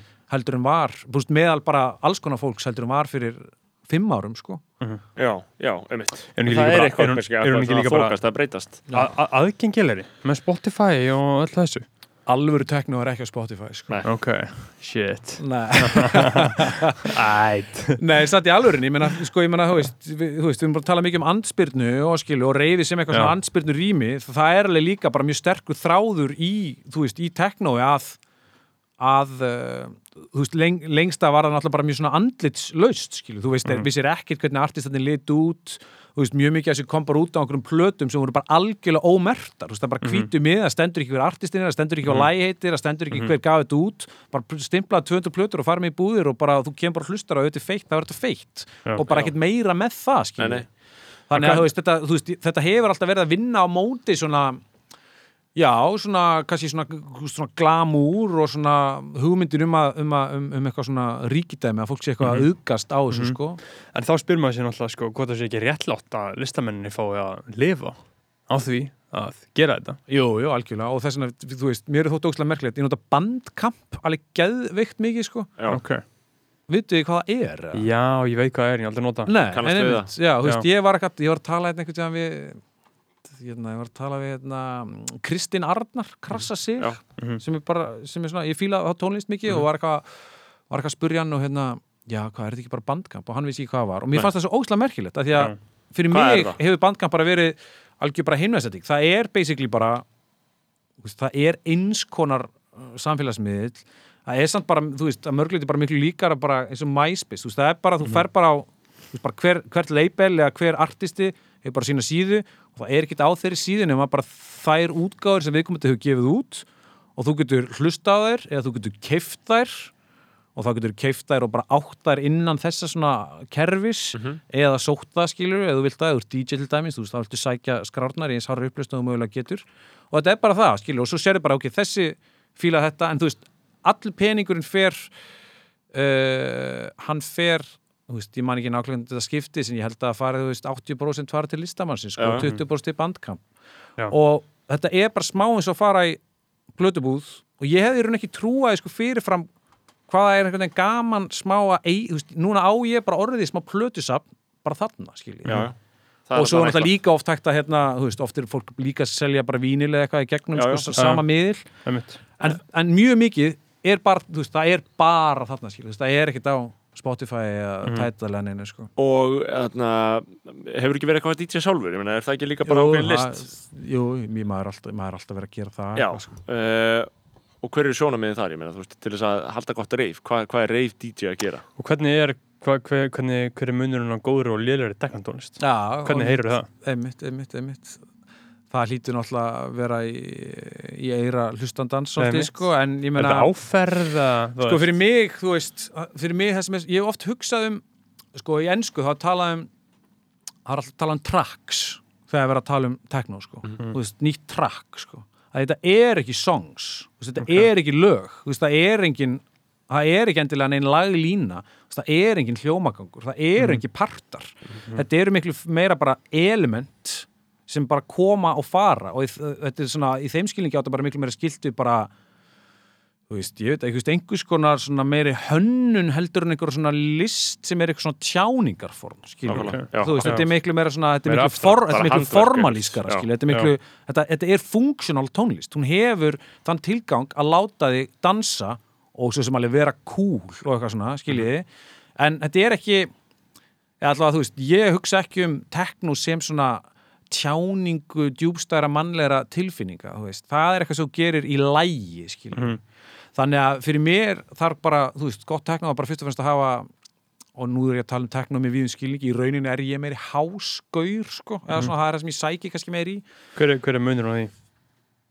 hás er oft svona, kannski svona heldur hægara og svona kannski léttara og það er rauninni kannski arftaki diskós frekar í einhverju skilningi, það er meira svona grúfi tónlist, á meðan að tekno er oft miklu svona myrkari uh, kaldari uh, svona vélrætni Já, getur við sagt. meira brútal. Já, ekkert endilega meira brútal sko, en jú, yfirleitt, ef það er brútal þá er það að fara að vera tekno sko, en þú getur líka verið með mjög svona minimal tekno sko, en þá er ekki, það er ekki funky, skiljið, það er svona meira bara rob robotist sko, í þeim skilningi. Um, fyrir mig þarf þetta bara að hafa, já, bara svona eitthvað gott grúf og bara eitthvað svona hljóð hönnunin sjálf, það bara að vera áhugur og það sem er svo klikkað náttúrulega á flottum klúpi er þú bara með ristórt kerfi og þú heyrir allt, sko, þú heyrir allt bara óksla vel og það fer bara í gegnu þig, sko. Þannig að þetta snýst mjög mikið oft um í hljóðhunin að búa til eitthvað svona áhugavert þrývítt space og það er ofta það sem er mest cool í þessari tónlist, er bara, þú veist hvar er ég? Hvaða staður gæti mögulega hljóma svona? Og það er náttúrulega aldrei neitt raunverulegu staður þú veist, það er bara eitthvað svona mjög svona abstrakt staður. Og það verður þá oft kannski svona, ég veit ekki, mótili kannski fyrir hugar ástandi sem að tónlistin getur, getur sett í sko. þannig að ég vil oft þetta sé svolítið svona deep þetta er kallað, þetta er kallað, þetta sé djúft sko, oft er þetta svolítið svona kannski melankólískara. Um, og ekki þetta má ekki keira, fyrir mig má ekki keira á svona hú veist, svona ódýrum, svona cheap thrills skilur, ekki svona kippa öll út og koma með einhverja gett episka lagalínu og keira svo allt í gang þetta er svona meira, þetta á að vera meira sko, veist, ég fíla það sko Já, þú fýlar ekki svona Tomorrowland Nei, það er andtesa þess sem Já. ég fíla Já, já. já, þú veist, í þessum Já. geira já, þú veist. einmitt En með, hvernig, þú veist Þú vilt ekkert fyrir sjáanlegt build-up í þessu Nei, helst ekki sko. Nei, Ég ætla samt ekki að ég ætla samt ekki að neita því að ég er alveg veikur fyrir því Það- líka Ég held að sko. mannskeptan sé það Já, bara já, build-up bara- er bara eitthvað sem bara Já. nær Já, til já, manns ég væri bara að öllum sko, þykast vera eitthvað meira cool en ég er, þú veist, ég Já. fíla Já. alveg bara eitthvað Skrillex og svona, Já, sko, já, mér finnst það alveg líka Já, já, mjög hví næs ekki, já. og það er líka bara dáist ég bara ákveðinu bara krafti sko, sem að, þú veist, Mhm. mm. svona seið sem tekst að magna þar sko. Já, þetta er alveg magnað menningafyrirbæri og það er eiginlega alveg óskiljanlegt að þetta sé ekki, eigi ekki einhvern veginn hafi ekki tekist að hreyðra um sig hérna, með eitthvað svona almennilegum hætti þó það hafi reynda vissulega gert það að einhverju leiti en það er samt svona ekki yfir yfirborðinni það er ekki, ég meina, við erum með, þú veist, kirkjur þar sem við fremjum kórtónlist Mhm. skilji, við eigum tónlistarhúsið skilji, og það er framinn symfonistónlist já, í eigum ekki fokkanum- Akkur í fokkanum erum við að borga fyrir hörpu? En þetta má ekki, skilur Ég Akkur í fokkanum er ég að borga fyrir hörpu? Hver ákveður menningar ofbeldi að ég borgi fyrir hörpu. Ah, já. Ég fer aldrei á það, mér drullu saman skýrist það en til dæmis, sko, hérna fóruð ekki þá aldrei á Sónar Reykjavík Jú, jú, jú, Já. jú. jú. Það sem var- Ég í hörpu í, í þeim skilningi, sko. Já. já, já, en það sem var, fannst ykkur ekki gaman þar, Jú. að vera í þeirri hörpu Þú Nákvæmlega veist, fyrir mig Já, var í alvöru, bara arkitekturinn bara, hún bara- hún- það var já. bara headlinerinn á hljónsettinni Hún sko, lifnaði á, á við, hátíðinni, hún sko. lifnaði við bara upp á nýtt, Þetta skilur var bara nýtt hús. Já, Já, ég hef séð hörpu þarna uh, á Sonar, þar sem að Young Lean og Skrillex voru held ég samkvöldið, Mhm, það var mhm. epist sko, og síðan hef ég líka séð það á Ársóti Arjónbanka. já, Ég, fó, ég fór á Já, já. haust, nóv, svona, þetta er svona november uh, 2019, Mhm. Svona pík góðæri sko, Mhm. og, þarna- og þau voru með sko, þau voru með sal frammi Mhm. fyrir ung- multivenue Já, voru með sal frammi fyrir unga fólkið og það var bara eitthvað Clubbed Up, GTRN Mhm. og Herra Hnettismjör skilur Mhm. og síðan voruð með sveitaball inni já, já, já. og þetta var bara sko, þetta var svona VR gætaði hvað þú ættir að vera skilt út um allt, þetta var rosalegt sko. Það var magnað að sjá það En sko talandi um aftur, svo komum við að mjög lörgluríkið sko, þessum Mhm. pælingum sko, þú veist, uh, forstjóri Hörpu, ég man hann talaði um, þú veist, hann var Halldór Gumundsson sem var þá, hann var mjög reyður lörglunni fyrir að vera að koma með hérna leitarhunda á Sónar. Já. sem að gerðist eitthvað, ég man ekki, eitt eða tvö kvöld, að því að það var hans reynsla og annar, í fyrsta lagi fannst hann bara ómögulegt að vera að vera að draga svona fólk svona í dilka eftir bara, þú veist, einhverju tónlistastefnum og eitthvað, en þú veist, húsið leiti aldrei verð út heldur en einmitt eftir ársatíð Nákvæmlega. þá var búið að rústa öllum hérna sápuskömmturunum Einmitt. og þá var allt, þú veist, vaðandi í hérna plastbókum inn á öllum klósettum og einmitt þú veist, en það er engin að það er engin að pæla því, þú veist, það er bara það þykir einhvern veginn eðlilega hefðin sko, að Já, já. fólk einhvern veginn svona í eh, efsta læginu sko, megi fara svig við reglutan sko. Mhm. Já, ég skil ekki já, það er alveg Já. magna Það, þetta er náttúrulega mjög svipað og eins og allir brjálaðir út í, uh, þú veist, þegar við erum hérna búin að vera að búa einhverju landi það sem að uh, sveita bara tónlist aðeins ríki og þar sem að eru bara að tala um að fokking drakka áfengi, ríða og Já, já, já, já. og bara í 40 ár og síðan koma rappar og tala eitthvað smá um pilluna sem er að poppa og Já, allt já, allt verður algjörlega. brjálað, það er rosalega skrítin þetta, þessi, þessi sterka áhersla bara basically 99% allra að maður verði að fá að vera vel fullur sko. Já. já, en það verði bara að enda þar og með ekki vera neitt öðruvísi sko. já, Akkurat. Já, ég, ég sko af mér sjálfum að dæma og okkur hérna sem hér sitjum og auðvitað kannski fleira fólki sem við þekkjum og auðvitað. Þetta áhörundum þá hlýtur þessi þetta við þurfum að vera undanhaldi sko, þetta er svona, pró, þetta er svona rosalega áfengis, þessi áfengisdýrkun skilur, þetta hlýtur að vera undanhaldi. Mm. en ég meina við sáum það nú samt í partíi sem vorum í um helgina að, að áfengi er ekkit undanhaldi. Áfengi er, Nei, er favor, mikið favorite hjá fólki það er still king, sko. Já, það er still king, alveg óumdeldur uh, En Eh, samt, allir vini mínir, eða flesti vini mínir sem eru eldri en ég, drekka ekki áfengi. Já, þetta er svona að róa Þeir eru svona, hættir. Já. þeir eru hættir Orðnir þrítur En er það að því þeir, þú veist réðu svo illa við það eða, bara svona bæði og, bara Já. þunglindir. Allur Já, gangur á því. Já, flestir þunglindir. En það sem það líka ræði þessu samviki sko, er einmitt, veist, í sambandi við teknotónlist og atna, klúpa og slíkt, ég meina þar er veist, hluti, mjög mikið hluti af fordómanum sem beinist að slíku fyrirbærum er auðvitað uh, gegn bara livjunum og gegn MDMA, ecstasy síru, ég sé nú ekki fyrir mér að sé mikið af LSD í umferð einhvern veginn endilega, eða ég ætla að myndi ekki skjóta það, Nei, bara þú veist, þú ert ekki að taka það eitthvað casually. Nei, ég er að segja eitthvað svona, eitthvað að fara á klubb, ég, ég allan að segja ekki fyrir mér, en ég meina að, aðalega, þú veist, þá erum við að tala aðalega bara um kannski epilur og MDMA, þú veist, sem eru svona, og kannski svona kókain og kannski ketamín og fólk er einhverju svakalegu Er stuði. það á Íslandi, mín. Ketamín? Getur alveg fengið það. það. eftir því sem að mér hefur skilist á mínum vinum í djúft í teknohringjunum þá Já. er eiginlega ómögulegt að Fá ketamín í Íslandi, já. Mm Var Eh, það, sko. Þarna, en, en já, þú veist, þetta eru kannski svona lifin aðalega sem eru í umferð í þessu samviki uh, og fólk eru þetta skítrætt við þetta sem veit ekki hvað þetta er. Þú veist, þetta hljómar eins og bara mjög hörðu eitilöf, þetta hljómar auðvitað fyrir mjög mörgum, einhverjum búmerum, þá er þetta bara alveg bara, þú veist, þú segir LSD eða MDMA, þá heyrða þau bara heroin, þetta er bara alveg, alveg sama eitilið, skilur. Um, en þegar sannleikurinn er sá að það er auðvitað kannski alveg vel hægt að lifa með því mjög vel að fá sér, skilur droppa emma hérna bara eitthvað eina helgina og svo bara eftir mættir vinnuna kannski smá þunglindur á mánudegi, þriðdegi og svo bara gerir þetta ekki aftur fyrir eftir mánuð eða eitthvað skilu, er þetta ekki svona sirka systemi sem svona flestir skinsamir uh, svona djamarar er að rúla með hvernig myndir lýsa því? Jú, það, og það er bara greiðleg rögvilla sem að líka bara á sér held ég bara alls ekki stóð í læknavísitunum að sko fíkn sé fyrst og fremst lifinu að kenna sko. Já. hún hefur miklu Já. meira með þínar sko félagslu aðstæður að gera og kannski upp á einhverju leveli einhverja, einhverja, einhverja genatengda þætti sko já, en veist, ef að þér líður vel og þú átt stert bara svona net í kringu þig þá er mjög ólíklegt að þú verðir fíkil sko. já.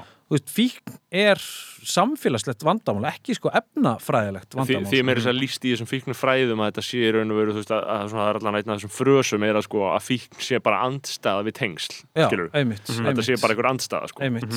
Þú veist, að um leið og tengslinn styrkja þetta á móti þá sé mjög ólíklegt að þetta efni taki stjórnaður, sko. Nákvæmlega. Einmitt, að, og að því leiti að þessi fíkniefni hljóti þá, þessi þetta fíkniefni, það er náttúrulega eitt orð. Ég meina þessi efni, að þau hljóti þá að við hljótum að geta álitið að þau séu ekki svona rosalega sko hættuleg, ég meina MDMA, er það hættulegt skilur, þú veist, Það var ma maður sem heitir David Nutt sem að var svona ráðgjafi hvað sé, bresku ríkistjórnarinnar í bara eitthvað svona, eitthvað svona fíkni löggjöf og hann er uh, sko, ég held að hann sé tauga livjafræðingur eitthvað svona, neurofarmakology eitthvað svona, já, kannski er hann bara taugafræðingur allavega, skiptir ekki máli.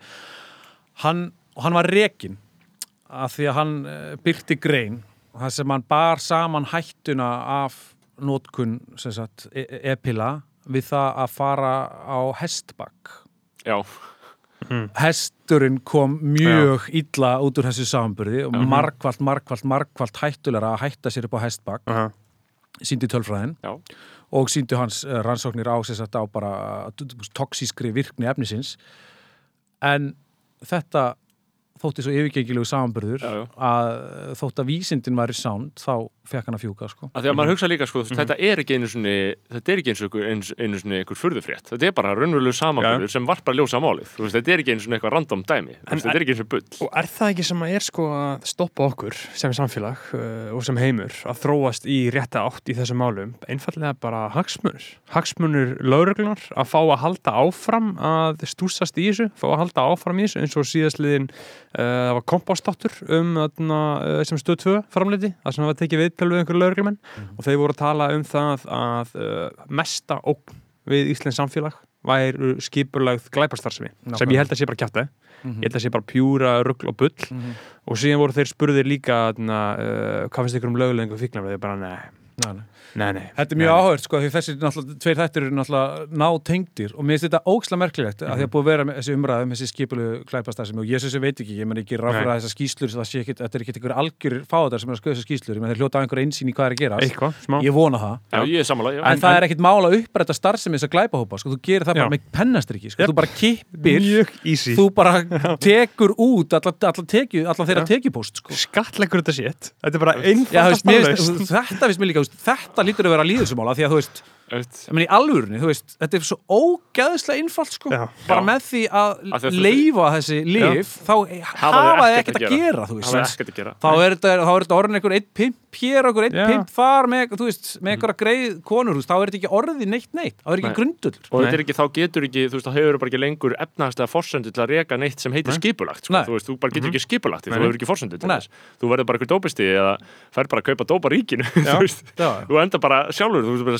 að snýst, snýst ef við. þú vilt, þá getur þú gert það skilur?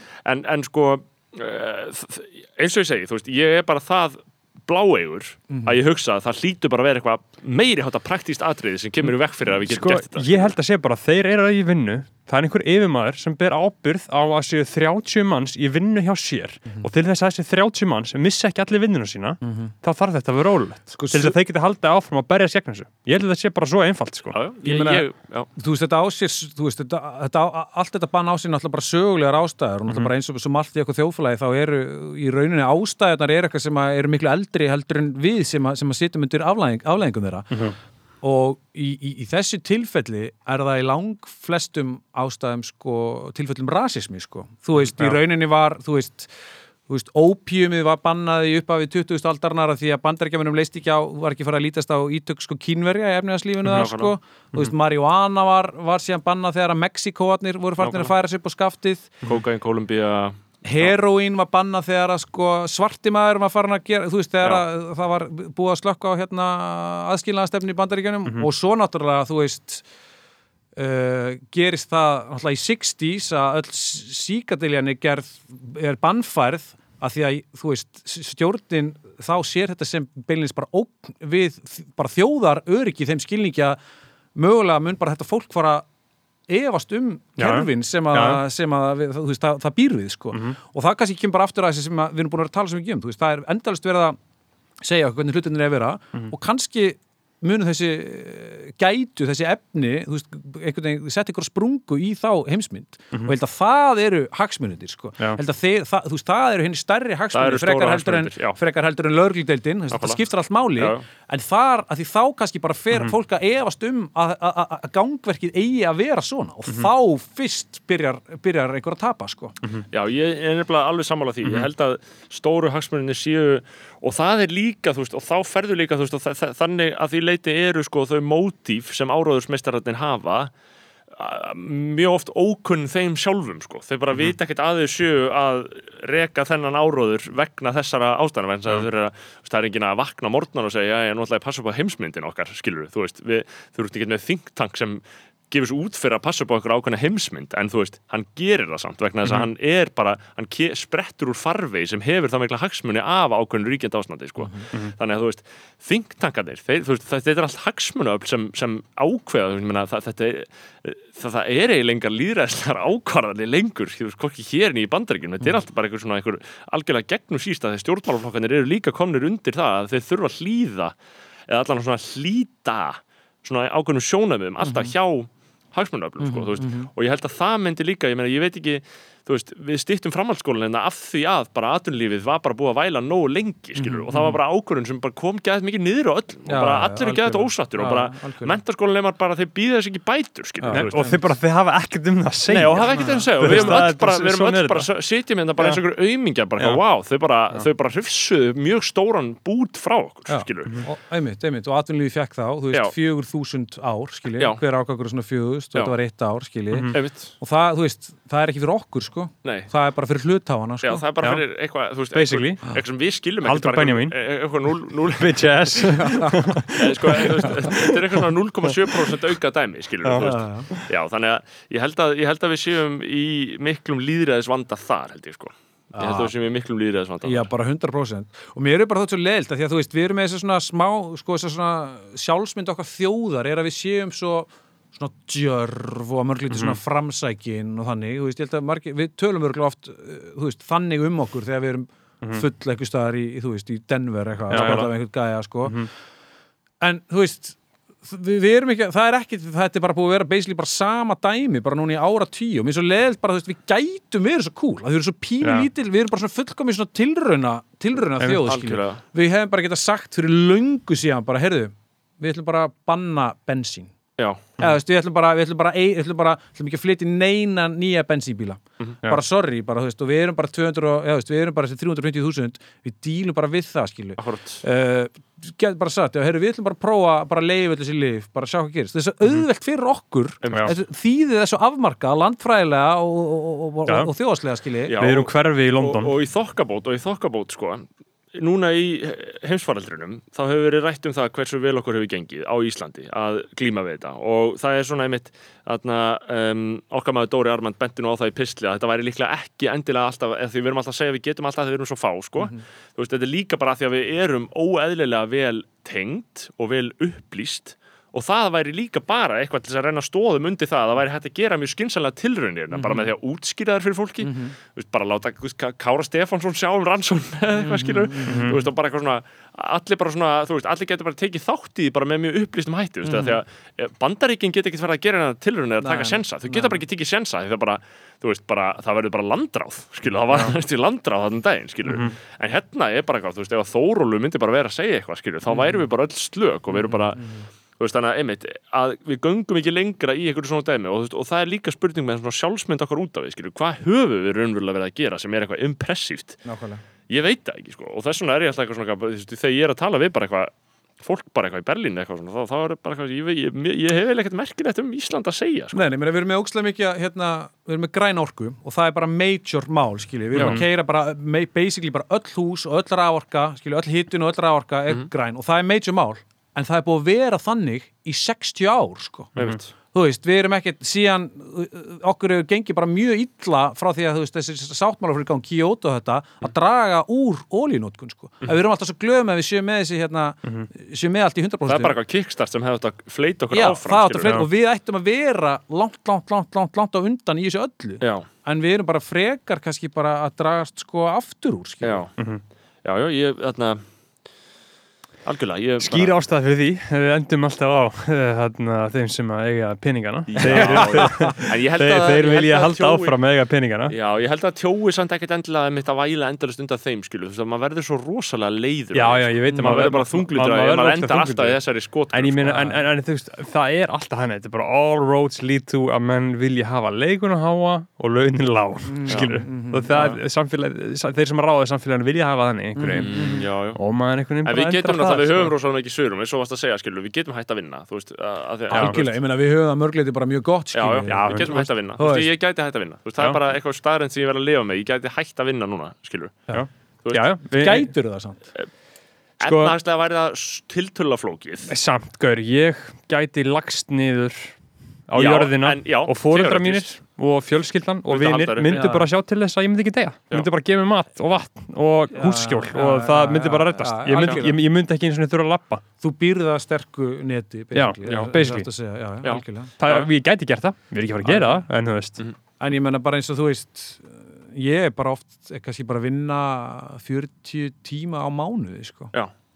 næs Já. Þú veist, ég er ekki með hálaun ég er með mjög lálaun sko, Mhm. þú veist, og örgla bara á e- einhvers konar fátæktamörkum svona þegar að er hort í skilgreiningar þess efni sko, Já, en ég er bara góður Já, sko. einmitt, já, einmitt. Og, sko, og, og, og þú ert já, í svona börn sko. Og það er allt í góðu, það er bara allt í góðu, skilu, En- en- ég kannski verður ekki alltaf hann skilu, kannski Já. muni þurfa eitthvað smá meiri pening þá vinn ég bara tíu tíman í viðbót sem ég þarf, skilu, eða Nákvæmlega. 20 eða 30 tíman sko. En þú leggur upp úr þessu að gera þetta frekar ég svona. legg upp úr því að já, vin, þú veist, að vinna frekar lítið sko. Mhm. í rauninni hugsa ég þetta þannig sko, ef ma- ef maður, ef- þegar maður þarf að skýra þetta út fyrir svona einhverju svona að hægra þengjandi liði, sko, já, já, þá bara setja ég mjög hátt premium á tíma minn sko. Já, tími minn er mjög mikils virði og Mhm. ég er ekki að fara að sko selja hann ódýrt af því að þú veist hann er mér meira virði óseldur sko. mhm, einmitt Það er bara Já. mjög Já. uh, og, og í því samiki þegar við tölum um sko, að það er svo áhugavert sko, þegar maður hugsa virkilega um það svona, hvers virði tíminn, varst líka, við vorum líka að tala um þess að gaggrinni á þann Mhm.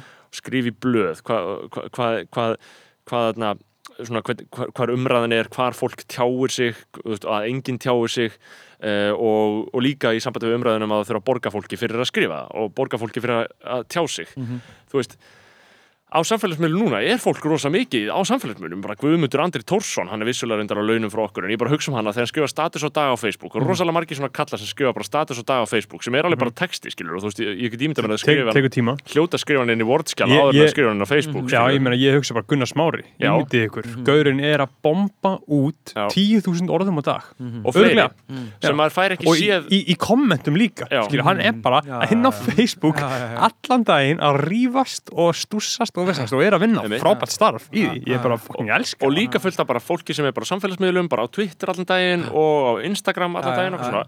Veist, það fólk færi almennt ekki borgað skilur, Nei, nei, nei, fyrir að gera þetta. Nei, nei, nei. þú veist Er það, er það eðlilegt? Er það bara eitthvað sem, er, hefur heiminum bara alltaf verið þannig skilju á 19. öld þá fengur menn ekkert borga fyrir að vera að skrifa þú veist Jón Sigursson fekk ekki borga fyrir greinatan sem hann skrifaði sem leittu síðan til þess að Ísland var sjálfstæð þjóð skilju, hann var með ný félagsrit skrifaði bara eitthvað episkar bladagreinar þar hann fekk ekkert eitthvað borga fyrir það skilju Nei, hvað við, þú veist það er svona mania með að fá Já. borga fyrir vinnuna Já, skilju já, já, Hva, ok. hvað er því rétta í þessu skilju? Já, bara mjög góð spurning sko. ég meina það, það sem að þú veist, bara, þú svo koma að þessu gaggríni dæmi í rauninni aftur, þú veist það sem að ég einhvern veginn held veist, að myndi gerast væri, þú veist, ég þú veist, hérna, þú veist, það varst að tala um rappmímin og, hérna, og það dæmi Mhm. og, og, og, og ég þekki ekki, ekki kjölin en þú veist, væntalega er það samt ekki, þú veist, það er ekki krítik, það er eitthvað svona tilbreyð við það, Þú veist, þe- þeir, þeir myndi aldrei svona segja að þetta Nei, eitthvað svo whack þeir, vilja vera skilur. já, já. þetta er svona fan basically page í einhverju skilíki já, þannig Já. já, já. Ég held samt að þegar bara það lögnu, þú veist, þessir hefbundu fjölmiðla myndu lögnast út á hann að það yrðu samt bara eitthvað lið á bara sem væri bara með einhver já, veist, myndu bara finna út úr, ok, hvernig gaggrinn ég þess að plötu á Instagram, Já. eða, eða væri bara með, þú veist, það er svona gæðna needle drop á Já. YouTube skilji, Já. það er enginn þannig á Íslandi skilji, það er enginn að gera eitthvað þannig og ég held að bara þessir, hinir þessi samfélagsmiðla myndi einhvern veginn pikkað upp en það gerðist ekki Nei. og ég veit ekki alveg akkur það er þú veist, kannski er það bara fólk hefur ekki áhuga á þessu, þú veist, ég, þetta er bara eitthvað pæling sem Já. bara ég er í Já. og bara Já. fólki er alveg sama Já. þú veist, mögulega, mögulega Já. það er, Já, það er ég held að það sé möguleg, möguleiki, já, Já. Já, en þú veist, það helst þá í hendur, hendur við annað sem er bara, þú veist, í rauninni, þú veist, það er náttúrulega svo mikið offframbóð á tónlist að það er ekki skrítið í þeim skilningi að, þú veist, að, sko virði hennar stefna á núl, sko. já, Þú veist, í þeim skilningi, maður Já. horfir bara á þetta út frá lögmálum frambóðs og eftirspurnar, sko. Já, Þú veist, kannski það eitthvað annað um, kannski er það einmitt að hérna, þú veist, þeir sem myndu verið að gera þetta á samfélagsmiðlum fá ekki borga á þess að nenna er ekki í mínu tilfelli er það næstu því það er næstu í máli, ég, meni, ég, ég var gaggrandi sko lengi í mokkanum já, ég, nei, ég meina það var, nei, nei. Þú veist, það var eitthvað svo ógæðslega illa borgað og það var náttúrulega, þú veist, Já. en málið er núna bara, mér finnst næstu bara núna ég vil ekki vera, þú veist, þá bara einhver sem er yngri en ég að vera að gera þetta, skilju. Mm ég er Já. bara smá, þú veist, þannig out of touch, skilju. Veist, mér finnst bara eins og ég sé smá bara búin að skila, skila mínu vinna sko, og var bara svo leiðilt að sé ekki einhvern veginn pick up slagan. Já, einmitt. Um, hvað erum við að tala um? Ég meina við erum að tala um, þú veist, á fólk, nei, ég meina fólk á ekki að fá borga fyrir að bara tjási út í eitthvað tóm, skilju, en Nei. það er Mhm. heldur ekkit sjálfgeð að fólk eigi bara almennt að fá borga fyrir að tjási, sko, og það er ekkit sjálfgeð að fólk eigi að fá borga fyrir að fremja tónlist, ég meina það er í sjálfu sér bara mjög nýlegt fyrirkomla, það er alls nákvæmlega. ekkit eitthvað heilagt, bara, bara Nákvæmlega. alls ekki, sko. nákvæmlega Mhm. Fókusin í mjög mikið af umræðu um alls konar starfsgreinar, þú veist, hvort sem það er bara einmitt listir, þú veist, leikhús, mm -hmm. uh, rithöfundar þetta endar alltaf bara í að fólk sé að tala um bara eitthvað fucking krónur og auða. Og, og, og það er náttúrulega líka sko uh, ógeðslega leiðileg umræða þó ég fremji hana mjög mikið Já, sko, þú veist, það, það er náttúrulega sko, þú veist, það er alltaf uh, áhugavert að hugsa um það, ég meina, hver er að fá borga fyrir þetta, segjum svo, bara, vinur mínir er að búið til sjónastátt, Mhm. allir að kvarta yfir sjónastáttur er já, já. tökum bara sem dæmi, viðbjörslega vinsæll, gengur getur vel, allir á Íslandi að horfa á þetta og allir að kvartunda á laununum sínum, skilur, allir á ömulegum launum að þræla við þetta, Já, en hver er að græða peningin á já. hver, hvert er er að fara? mínusinn Þú sko. veist, peningarnir, þú veist, augu eru peningarnir, það er það sem er verið að borga fyrir augu og áskrift, skilur já. en hver er að fá þennan pening? Er hann bara að renna í vasa þeir sem að, þú veist, eiga? Það er hlutaðanir maður Já, já, allir það ekki jú, en ég meina, og svo eru hlutafnir samt alltaf bara í bullandi mínus og bara 400 millir að fjölmili, er bara eitthvað Já, já, er það, er það sannleikur eða er það bara eitthvað sem þau vilja að maður haldi? Já, já, ég, það, það, er, það, eru, einmitt, það eru stóru spurningarnar en sko ég er alveg sammála því að einhver fær borga fyrir allt sem er gert Já. sko. Þú veist, það er ein, Facebook, græði. Facebook er að fá borga og fyrir þetta það er sem allir líka, gera það. þetta er líka aðeinsvært í samhengi við það sem uh, Rúnar Helgi uh, professor í ritlist var að segja í viðtali við, við aðna, Rás 1 um daginn að hann var að tala um aðna, að því að hann, var, hann fóð nú um viðan völlum svona cancel culture og maður er nú ekkert sammála öllu sko. Þetta er svona, svona, svolítið svona, Ha- hann, hann, er, bara- hann er bara á sínum aldri og bara Mhm. er professor sem talar um cancel culture ég ger ekki ráð fyrir neinu öðru en hann myndi vara við hann myndi Já. vera með svona viðvaranir og, og, flott, ég, flott hjá hann að þóra því. og ég hef alveg tendens til þess að segja sömu hluti en hann var að segja að samfélagsmiðlarnir grættu beinlins á toxic einmitt sem er svo ógeðslega fyndin stað að við séum öll orðin ofurseld því að Mhm. þau græði á því að umræðan sé eins óheilbrið og hún gæti Já. hugsanlega verið Mhm, Þú veist, þannig að við erum bara komin uh, veist, og þannig getur líka gerst að okkur, veist, að þetta vill okkur bara sín um það hvað er eðlileg umræða Mhm, skilur, mhm. að algoritman á Twitter og svona, bara einhvern veginn endi á að bara breyta því hvernig við Já. lítum á eðlileg samskipti Ég er mjög spenntur fyrir því þegar að uh, áróður síðan fara í gang fyrir kostningar í haust. Já, já, já þegar að bara svona allt í eitthvað sponsorað út um allt, að það mun gerast, sko. Uh, Hægrið er sérstaklega sérfræðingar í því, sko. Það verður mjög áhugavert að sjá hvernig þetta? Já, já, algjörlega, algjörlega. En var, ég heyrði sko svona halvan þáttir þarna með Rúnar Helga, eða þú veist ekki eins og það, ég heyrði kannski korter sko, en var ekki samt margar góðar pælingar þarna? Jú, jú, jú, jú. algjörlega og, ég, og eins og ég segi, sko, ég í mínu hjarta er ég sammálaður Já, sko. hann, hann, hann talaði um sko, hann sem prófessor uh, lappi alltaf inn í skólastofu. Já, Ok, skilur, þú veist. Stressa, eða svona, hann svona, hefði ok. þetta alltaf í huga Já, Já, já, alltaf að hugsa um, skilur, ok, já, er eitthvað að fara að gerast? Þetta allt er orðið svo rosalega mikið sprengjusvæði, skilur já, já, bara hvað sem er, þú segir eitthvað sem er svona ónargætið að það eru náttúrulega, þú veist, sorry en þú veist, það er bara svolítið staðnænt, allir eru orðinir rosalega viðkvæmir, skilur, Mhm, þú veist. mhm, mhm. Sko, það er bara eins og það er, skilur algjörlega. þú getur, uh, Já, ég veit ekki hvort allir séu orðni viðkvæmara eða hvort fólk sé bara í betri stöðu núna til þess að tjá ádreitsið sitt, skilur já. Ég held að við- sé bæði sko. Já. já, bæði, f- fólk er svona byrja að þróa mei, fá svona meiri vitund á því yfir hverju að getum móðgast. Þetta er svolítið svona eins og eins og að tala um að þá ekki að leifa sósjópötum að fara í sálfræðimeðferð að þá fá þeir svona orða forðan og tiltæki til þess að tjá það sem þeir eru að hugsa, skilur og nota það til þess að vera meiri sósjópata Búið til eitthvað skaldskap um þetta. Já, já, En, En er ekki almáli í þessi bara, þú veist, að, að því að ég held að, þú veist, hef náttúrulega bara gengur fólki bara mjög gott til, sko, og þú veist, og ég held að það sé mjög mikilvægt það sem er að gerast er bara, þú veist, þessi, þú veist, öll þessi greining sem er að eiga þessi stað á því bara hvað margir hafa verið að koma illa fram lengi, þú veist, með orðum og gjörðum og alls konar, en þú veist, það er þetta upphlaup sem mér finnst svo ógslega erfitt, Já. þú veist, það sé ekki bara hægt að bara vera með bara svona, þú veist, veist nálgast, veist, vera bara með uppfræðslu, bara svona bara svona blíðum nótum, raunverulega, mhm, skilji þú veist, og það, að því það lítur að vera verkefni veist, að uppræta meinið Nákvæmlega. en ekki að sko grýta Já, og, sko. og, og, og sko og ganga algjörlega frá manneskum sko. veist, það er Já. líka það sem hefur gerst sko, Já, þú já, já. Að, það, það, það, það er svona eitthvað svona bara sem, sem maður á, maður á erfitt með að horfa á. En ég meina, Já. þú veist, ég get ekkert sagt hvort það er rétt eða rátt ég, ég bara segi bara sem bara, ég er bara erfitt með að horfa á það, skilur já, já. já, en, en, en í- annar leggur að þessar umræðu sem Rúna Helgi var að tala um eh, er há- háskólarnir, þú veist, af því að hann er í háskóla hann er, í, í, hann er með, með, með meistaranám í reitlist sem Berþór er að fara í. Já, uh, og þar get ég alveg sé fyrir mér að eigi sér stað tiltölulega svona núansverðu umræði örgla um svona eitthvað flókin atriði, þú veist, eitthvað svona skiljið hvað við, eitthvað svona fornöfn og eitthvað svona, það, klassíska svona Jordan Peterson anti-háskóla orðræðu þarna flokkarnir, þú veist, þeir eru örgla bara svona mjög núanseraðir og þægilegir í einhverju ritlistadótum, máttu örgla segja það sem þú vilt sko og það, það bara tjekkar það einhvern skilur Já.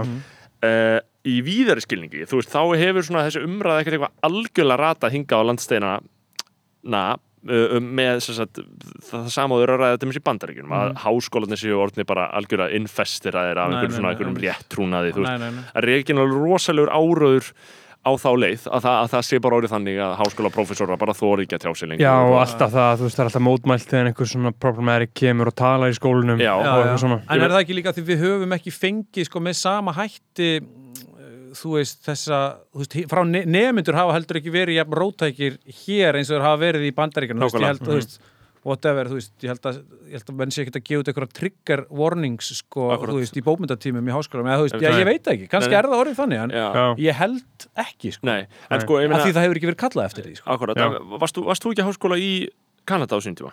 Jú. Já, hvernig var það, ég meina, þú veist, það voru hvað, 2-3 ár? Já, ég, ég var í meistarnámi þar í ennsku bókmyndum Já, og það var í rauninni náttúrulega bara fyrir allt þetta? Já, ég menna náttúrulega bara öll, bara almenn bara, þú veist Hvað ár var það? Það var 2009 til 11 Ok, Já, og ég menna auðvitað var bara mikil vakning hafin bara almennt um bara sem snýra bara, þú veist, rasisma og, og, og þú veist, og kvennhatri og einhverju svoleiðis, skiljið, sem bara búið í gangi mikið þessa, mikið þessa öld og í rauninni held ég rauninni afreg þessar aldar, sko. Og í mínum fræðum þú veist, í svona, í hugvísitum almennt er þetta náttúrulega bara mjög svona mjög lifandi topic, skiljið, þú Nákvæmlega. veist ef, þú veist, postkolonialismi Já, já. skiljið, og, og bara postmodernismi náttúrulega bara gengur mjög mikið út á það að finna uh, þú veist, finna verkin og rattirnar sem að, sem að var sópað undir teppið á sínum tíma, sko Mhm, þannig að þetta var mjög lifandi í, í, í, í- í náminu sjálfu, en varðandi þetta sko svona umræðina inn í, þú veist, kennslustofunni sjálfri og að einhvern veginn að háskólinn væri þá, þú veist, tákmynd íhaldsins sem að við sem nemyndum þyrftum einhvern veginn að tækla sem er svona 60s pæling í rauninni sko. Það var- ekki í gangi sko. Við vorum, Já. það var allt bara svona jagnaði skundvelli og, og Allir sáttir. Já, allir sáttir og ég meina, mér finnst þetta mjög skríti og finnst það, ég meina, ég bara get alveg sagt það mér finnst það ennþá mjög skríti að þú veist að það sé ekki hægt að fjalla um hérna, bókmyndir þar sem að kemur fyrir kynferðisofbeldi á Nákvæmlega. þess að allir þólendur verði bara að fá að stíga út úr stofunni sko. Mér finnst það mjög sérstakt sko.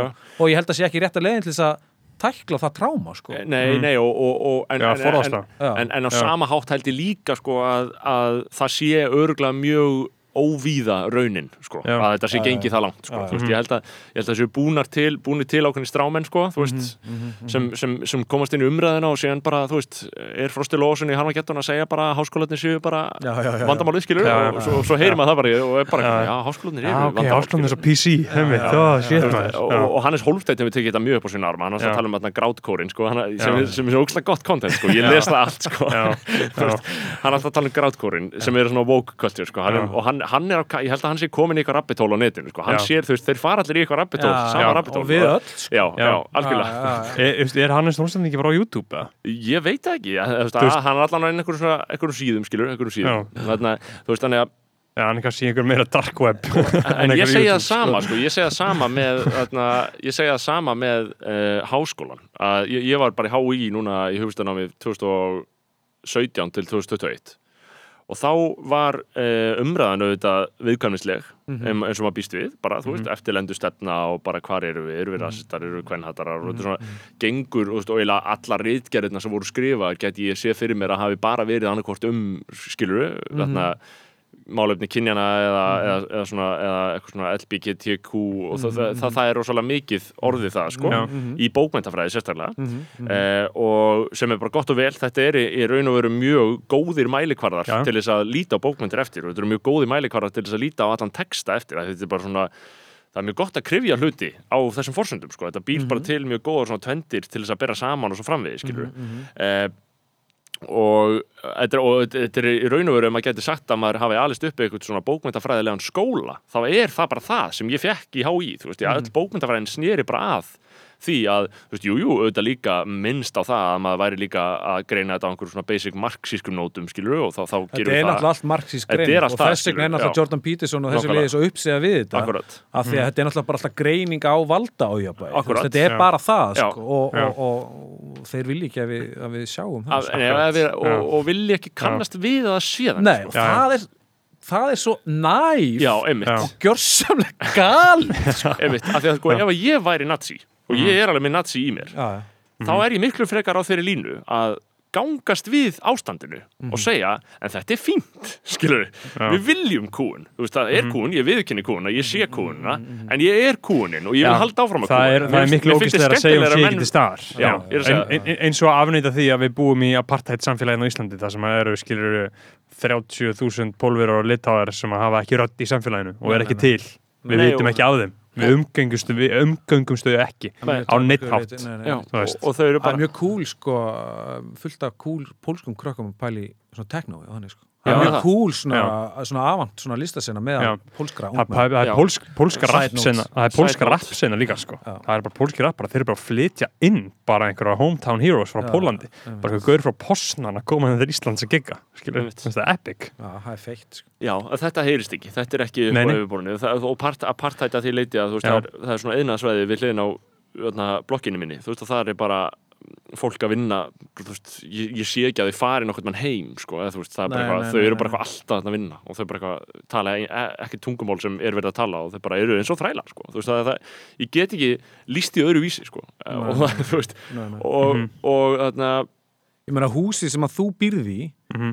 ég held að það hafi bara verið byggt af fólki sem býr í þú veist, þarna, þú veist, uh, bar 46 húsinu sem að eftir að, þú veist, núna Já. Ríó hvað er að frétta þar? það er rosa bara mikið umgangur Já, það er held ég bara einhverjur íbúður fyrir einhverja verkamenn, sko, Já. sem eru innflytjendur, Já. eða sem eru, ég, ég veit ekki hvort þau eru hérna tímabundi eða til lengri og tíma Sá- það alltaf þið- sé, alltaf sé á svona borderline ólöflegt húsnæði þú veist. Ég veit það ekki, ég, bara, sáu þið- frétt- ég vil ekki fara að dilgja neitt um það og sapp, reynda sapp að segja, finnst mér þetta ekkert eitthvað grunnsalett Nei, ég, ég veit ekki hvað Ut- hús er að tala um svona utanfrá þetta Já, ég veit- við erum, við erum að tala um fyrir, fyrir Ríó ofan Sportbar, Ríó þetta er hliðin á borgarhjólum þetta er bara og-. Já. Já, ég, Já. ég veit ekkert um þetta en sá það ekki fréttur Já. um daginn að það, það var, þú veist, þá var verið að segja frá því þú veist, þau böstuðu eitthvað svona atvinnuhúsnaði hjá okkur gaur, sko, sem Já, var bara na, bruna eftir litið, þú veist, það sem var bara veist, þetta var bara svona það var bara að byggja svona herbyggi bara eins og bara smíðavöllunum, sko, þetta var það frumstætt þetta var bara mm viðar plötur bara ristort rými og fólk fekk bara svona svona þryggja fermetra klefa í bara svona viðar einingum já, já, já, Já. og það var bara látið sofa þarna. þetta er bara,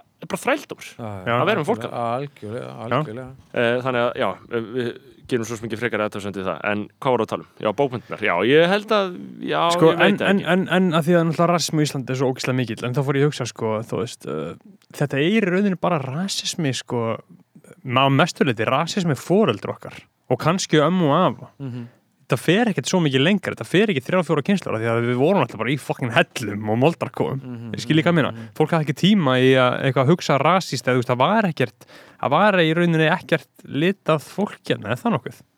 Ég meina, hv- hversu gamalt er þetta? já, já, á Íslandi? að, þú meinar að þetta er ekki þú meinar að þetta er ungt eða? Já, já, já, á Íslandi út af því að þú veist, þetta er náttúrulega eldgamalt á bara Portugal, Hollandi. Bretlandi það er bara allt, allt kjarnin í þessu. Mhm. en ég meina, kjar, kjarnin í þessu Íslandi er svolítið nýlegur.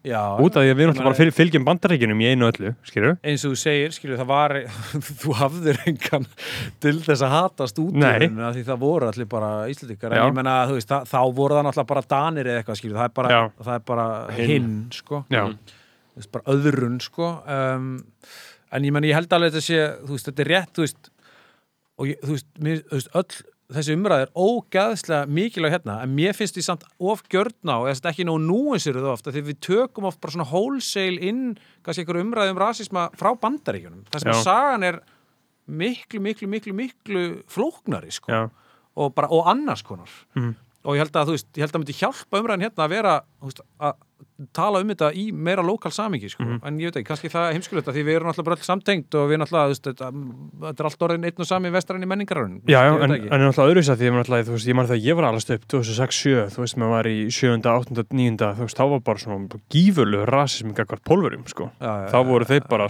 of the earth það var bara, þú veist, móðgun að segja einhver væri pólskur skilur Já, Já. og það voru svolítið bara svona rí- ríkjandi hugmyndir sko. og það er samt og það er náttúrulega ekki rasmi sem er í bandaríkinum eða þannig séður kannski á einhverju leiti en ekki svona í megin ströym Nei, nei, nei. rassískar umræði sko. Það er aðteklisverð hugmynd sko hvort að sko öll svona viðfangsefni verði að endanum alþjóðlega sko. Hvort það verði, hvort við stöndum öll bara frammi fyrir því sama sko út af því að alheimsvæðingin og globalismin er búin að jafna rosalega mikið út. Já, já, já, já. þú veist, maður fer til Þýskalands, maður fer til Spánar maður fer, og þetta er bara sama, skilur þetta er bara, þetta er bara sama fólk og við Já, og, já, og eins og hefur líka verið talað um skilur, maður tengir meira við þau en skilur 90 ára Íslanding skilur, bara Já. við eigum meira sammeilegt Já, sko. já, nefnum alltaf í þessum stórborgum þá er mannflóran aðeins svona fjölbreytilegri og svo er líka spurning um einsleitni innan íslenska samfélagsins, innan unga fólksins meðal unga fólksins, skilur já, já. þú talar í einhverjum pistleim eftir eitthvað um sem, sem ég flett upp þarna um, í sambandi við þetta viðtal þú veist, að, að verslingar væru byrjar að hlusta á sama á MH, já. þú veist, að það sé próblemið sem við stöndum fram fyrir núna já, Mhm. einmitt. Já, já, skýrist að dæmi er náttúrulega Inspector Spacetime Einmitt. sem er náttúrulega rosalega vinsælt eru þau verslingar? Nei, þau eru MH-ingar en þau gera versla músík Er, er þetta verslamúsík? þú veist, dansa og bánsa og svona rosalega mikið pop. Ég- Hérna ætla ég að fá að vera smá ósamála Ok, ég- ég- að, ég að ég sé að, að sko dæ, og það er það sem, er- þetta, með, þetta sem er í gangi hérna í postdreifingu skilju, að Mhm. út í skerjafyrði og hérna, Inspector Spacetime er einhver ángi af því. Já, það sem að mér finnst svo geðast við þetta er að þetta er veist, hér er MH fagfræðin eða lógíkin eða hvað að kölla það þau eru gang- pjúra MH-ingar en ganga í endurnýjun lífdaga sko. Já. þetta er veist, flippið skiluru eða ég veit ekki, þetta er svona Mhm. þetta er, þetta er mjög svona, ar, svona arti og svona Mhm. care, carefree þetta er mjög ólíkt Mhm. einhverju svona vestló pop, þetta er ekki svona þetta er mjög hrátt skiluru og, Já, og svona Er, er, er, sprengikraftur já, sko. og er, er hreitt tónn í þessu það? mér Að finnst það sko. Mhm. mér finnst þetta sko, mér finnst þetta dansa og bánsa bæ, bælaðið, en líka myndbandið sko. Myndbandið er geggja mér finnst þetta er ótrúlegt sko. ég var bara þegar ég sá þetta, ég var bara wow, það er eitthvað að breytast sko. Já. Veist, það er eitthvað, hér er bara slegin algjörlega. Þetta er alltaf ekki nýr tótt þetta er bara svona algjör svona 90s house svona umgjörð á þessu sko, á tónlistinu og hannig en ég meina hún er ný í, í, í, í, í þess í okkar menningarlandslæði núna sko. Já, Já, ég var bara að hugsa sko að þú veist að þetta er bara svona pop, skilur og MH náttúrulega var, jú, jú, Retro Steffson var nú alveg pop en það var samt svona indie en er þetta alveg svona pop? Þú veist, það er eiginlega ekki veist- til dæmis, það er eiginlega ekki laglína í þessu lagi til dæmis sko. þannig sko. Jó, þú veist. Og, og náttúrulega uh, og, og líka, ég meina myndi MH hljómsveit uh, fara í einhver svona myndaþátt og viðtal hjá vinstarstu fatabúðinni? Það er stór spurning. Nú er eitthvað breytt það er eitthvað breytt. Og að því að ég var bara að sjá bara núna áðan, það var. Húra Reykjavík með einhver svona og, ekki spútnika. Nei. og, og, hérna, og eitthvað svona viðtal, myndbands viðtal svona samhliða því, svona Já, þau svolítið svona, já, já. þau svona í rauninni bara að linka upp. Já, húrra, hérna, húrra svona að gefa þeim plattform og þau að gefa húrra kúl, skilur þú veist, hérna skilur, hinn strángtrúa ég skilur, Mhm. hérna verð ég fyrir smá vonbröðum sko, þess að maður hefði viljað sjá einmitt, meira En- en svona ég- MH blóði í þessu þarna sko. En ég held fyrir þeim að þetta sé svo fullkomlega basic. Þetta er svo Þau hafa ekki hugsað um normalisering sem hefur átt í stað Ég held að það sé eina einhver og, og síðan finnst mér náttúrulega líka alveg munur á því að gera svona shit fyrir húrra sem er actually cool og að gera svona fyrir landsbankan Já, Skil- skil ég hvað ég meina? Ég dreg alveg línu Já. í sandin sko, með Það. er alveg- húrra er gott fyrirtæki að halda upp einhvern kúltúrina í Reykjavík skilur án, Rey- án húrra væri Reykjavík mjög fátakleg borg. Mhm, Vil, er mín skoðun sko. Já, já, þannig að mér finnst alveg munur þar á. En þú veist, ég hugsa, gamlar MH-ljónsettir hefur ekki gert þetta Nei, Ja, ég veit það veist, Við höfum örgulega gert þetta sko, verið sko. Já, við höfum Mhm. pottet gert þetta sko. Að Því að meina, en það er líka alveg, þú veist Eða fer eftir hvað við fengið í staðin. Já, en Ég sko, hef maður- ekki gert þetta kannski bara fyrir eitthvað buksur sko. Nei, en maður þarf samt alltaf að hugsa sko, veist, við erum eftir allt á, veist, Íslandi. Veist, þetta er ekki, þetta er ekki alveg að sama, þegar einhver íslensk lítil indie hljómsveit fer í myndaþátti á Hóra Reykjavík, þá er þetta eðlis ólíkt því þegar, þú veist, bara einhver veist, rappari færi bara samning við Coke eða eitthvað, þú veist, þetta er eðlisólíkt, en Já, þetta já. er bara litla Ísland, þetta er bara eitthvað hérna, Mhm. komið bara og þið fáið bara jakka úlpu, skó Mhm. og buksur sem er bara 100 krona virði. Og þau eru bara, já Ok, veistla, ok, let's veistla. go, bara, Já, já, Þetta er flott og þú veist, exposure sem þau fá út úr Já. þessu er síðan, þú veist, meira virði en það, sko. þannig að þú veist ég meina við fórum í svona myndan já, já, já. Þú veist, við, við gerum það og ég hugsaði bara, já ok, meni, þetta er svolítið svona kannski establishar þetta hlaðvar fyrir einhverjum skinkum skilur og einhverjum nökkum, skilur Já, sem að vita ekkert hvað skoðanabræður er fattarðu? en þau respekta eitthvað húrra mynda þetta, þetta er bara ok, win-win, bara auðvitað Já. gera, það, já, skilur já, já, já. og allir, við, við, allir við, fá credibility, svona capitalist credibility Já. og þú veist, og allir sáttir, Þetta er ósla trikki, þetta er ekki einföld spurning Nei, í nei. neinu skilningi, en, sko. ég, ég hugsaði mig ekkert tvissar um út af því þetta er húrra bara, Já, ber virðingu fyrir þessu fólki sko. Já, í þeim Eh, skilningi er þetta bara eitthvað svona, eitthvað svona samkomla Já, já, vin, já, já, nákvæmlega. já. og þetta er bara eitthvað svona, þú í, í, í kjarnanum er þetta svolítið hann sko. Já, já, en þetta var til dæmis annað uh, bransasögur Íslandsbanka það er svona svolítið cursed dæmi. já, þar sem að það er svona corporate áróður, Já. og svona eitthvað, greenwash í því, Já, það er ás þannig, bara. Við erum minna að arðræna, bara Já, já, já. skilur, en vissulega ríkisfyrirtæki skára meðan það var. Ekki lengur. Nei, er að Já, segja einmitt, já, þegar það var, einmitt, Já, já, einmitt. já. Er landsbankin ennþá? Já, landsbankin er alveg hann- já, mun ekkert vera seldur sko, sko. heldur, Já, ég. ég held já, að, en að- Íslandsbanki fyrir allur. Hann er skástur Já, landsbankin, við erum með það Já. í rauninni, sko. Já, í rauninni, einmitt Arður landsbankans er arður til ríkisjós, sko. Já, ok, það, er- það er fínt Já. En, Þannig að hann Eins- arrænir þegnana og fyrir sig með peningar í ríkisjóð já, skilur. já, fínt, það er fínt uh, En uh, eins og það, skilur Segjum svo að þú er sett bara eitthvað Inspector Spacetime, skilur Mhm. Og bransasögur Íslandsbanka Það hafi ekki séð sem jú, Ég hef séð eitthvað að þessu. Eitthvað svona viðtalið við eitthvað sem er eitthvað sofa bara. Já, já, sem í einhverjum sofa og Ég hef náttúrulega sko unnið bara mikið fyrir auðlýsingarstofu Já, sko. er að ég er ekki eitthvað ég er bara alveg Já, já. mjög segur hérna sko. og mjög mikið fyrir landsbankan til dæmis sko. og hérna, ég meina, skemmtilegasta verkefnið sem að ég vann, árlegt verkefni skilur með, ég vann á auðlýsingarstofu var hérna Airwaves verkefni landsbankans Já. þar sem að landsbankininni framlegir svona tónlistamindbönd með einhverjum sem bara taka þátt í Airwaves oft svona yngri bönd eða svona í rauninni svona fekar óþekkt Eitthvað svona bönd smá spútnik up and coming Já, eitthvað svona þannig og Já. bara svona gera eitthvað með þeim Mhm. og, og, og hugmyndin þar, þú veist er náttúrulega bara að bankin vinna einhver cool stig, skilja, Já, já, bara já. by, association við þetta. Akkurat. Bankin er styrtaraðilega Æsland Airways þannig að þetta er ekki, þetta er ekki bara algjör fáraleg tenging, og svo náttúrulega að bara eiga, böndin eiga að vilja taka þátt í þessu að því að þetta er gott efni sem að nýtist þeim. nákvæmlega. og þau fá náttúrulega greitt að sjálfsögðu fyrir sína vinnu. Já Já, og hann pródúsera, bankin pródúsera eitthvað lítið gott og þetta er bara, Þetta er bara flott verkefni. Byrni að einhverju safni. Já, sko. Mhm. geðveikt myndband sko. Og bara geðið gaman að gera þetta fyrir mig bara sem starfsmann og einmitt finnst mér sko ekki neitt aðtöfuvert við neitt af þessu Ég myndi segja það, ég myndi segja bara gott og blessað Þannig finnst þér finnst uh, kapitalismin fer ekki yfir þín mörk þannig Ég meina, ég, eða, veist, ég er náttúrulega, ég hugsa þetta svo, svo langt. Ég hugsa bara, þetta er ríkisbanki. Það er já, bara, já, ég, veist það er, einmitt, Það er strax já, eitthvað svona, svona svolítið sakleysislegt. Já, já, já. uh, Og í öðru lagi, þú veist Þetta hefur, þetta er liftistöng fyrir menningarlífið, já. Það er byrnir varðna, þú veist, það er ekki eins og Þetta er ekki Helgi Björns, skilur Nei, þú nei, nei, nei. Það Ég held er að það hefur reyndar sérstaklega í tilfelli Byrtis verið svona smá reik út í game Ég- varð held ég svolítið lag mikið til út af þessu sko eða Nákvæmlega. svona launchaðist þarna sko Já, og Mhm. þannig að algjörlega, en, en ég, þú veist, ég held að allir hafi sinn svona sensor fyrir plöggi og bara já, það eru bara á, það er ákveð langt sem fólk leifir hlutunum að ganga. Mhm. ég meina, herra Hnetusmjör hefur verið mjög gaggrindur fyrir að ganga langt, Já, já, MC og- Gauti hefur verið gaggrindur fyrir að ganga langt, skilur og ég meina, herra en MC Gauti gerir núna bara grína því sjálfur á móti, skilur þú veist, að Já, hann bara Já. gerir þetta, þetta er það sem hann gerir veist, hann er bara að samstarfa sig í gang Mhm, og það er bara, gengur bara ógeðslega vel alltaf, veist, það bara breytist ekkert, skilur Nei, nei, nei, nei. Einmitt. Einmitt. þannig að Og ég hugsaði líka eins og með,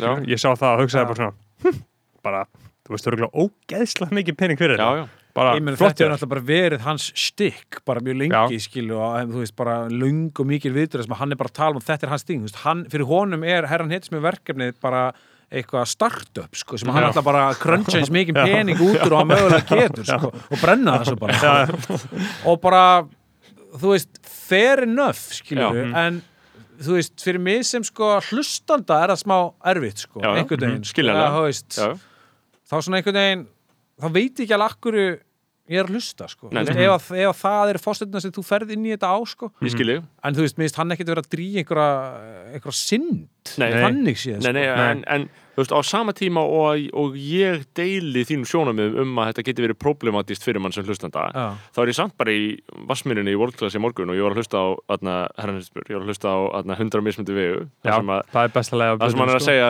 aðna, rúla eins og Ronald Reagan því ég fokka upp komum, skilur Mhm. þú veist, eitthvað svona bara góðar línur og svo þá hugsaði ég, já, ég bara dýrka þetta sitt ég er mjög ánægð með þetta Já. og ég var bara, þú veist, eitthvað að chilla, skilur Mhm. þannig að það, maður er þversanakendur held ég, manneskjan er þversanakend bara í algjörlega eðli sínu sko, og, og Algjörlega, sko, niður í smæstu algjörlega. eindir sko. En að ég segi ykkur hvað er verst í söllu bara fólki, fólki sem raunverulega drýja syndinar Já. og gerir samfélag okkar að vera stað það er bara fólkið sem uh, er á Instagram já, og gera ekkit annað en að selja fólki drasl Nei. fólk sem er bara búin að make a career Já. out of it Já.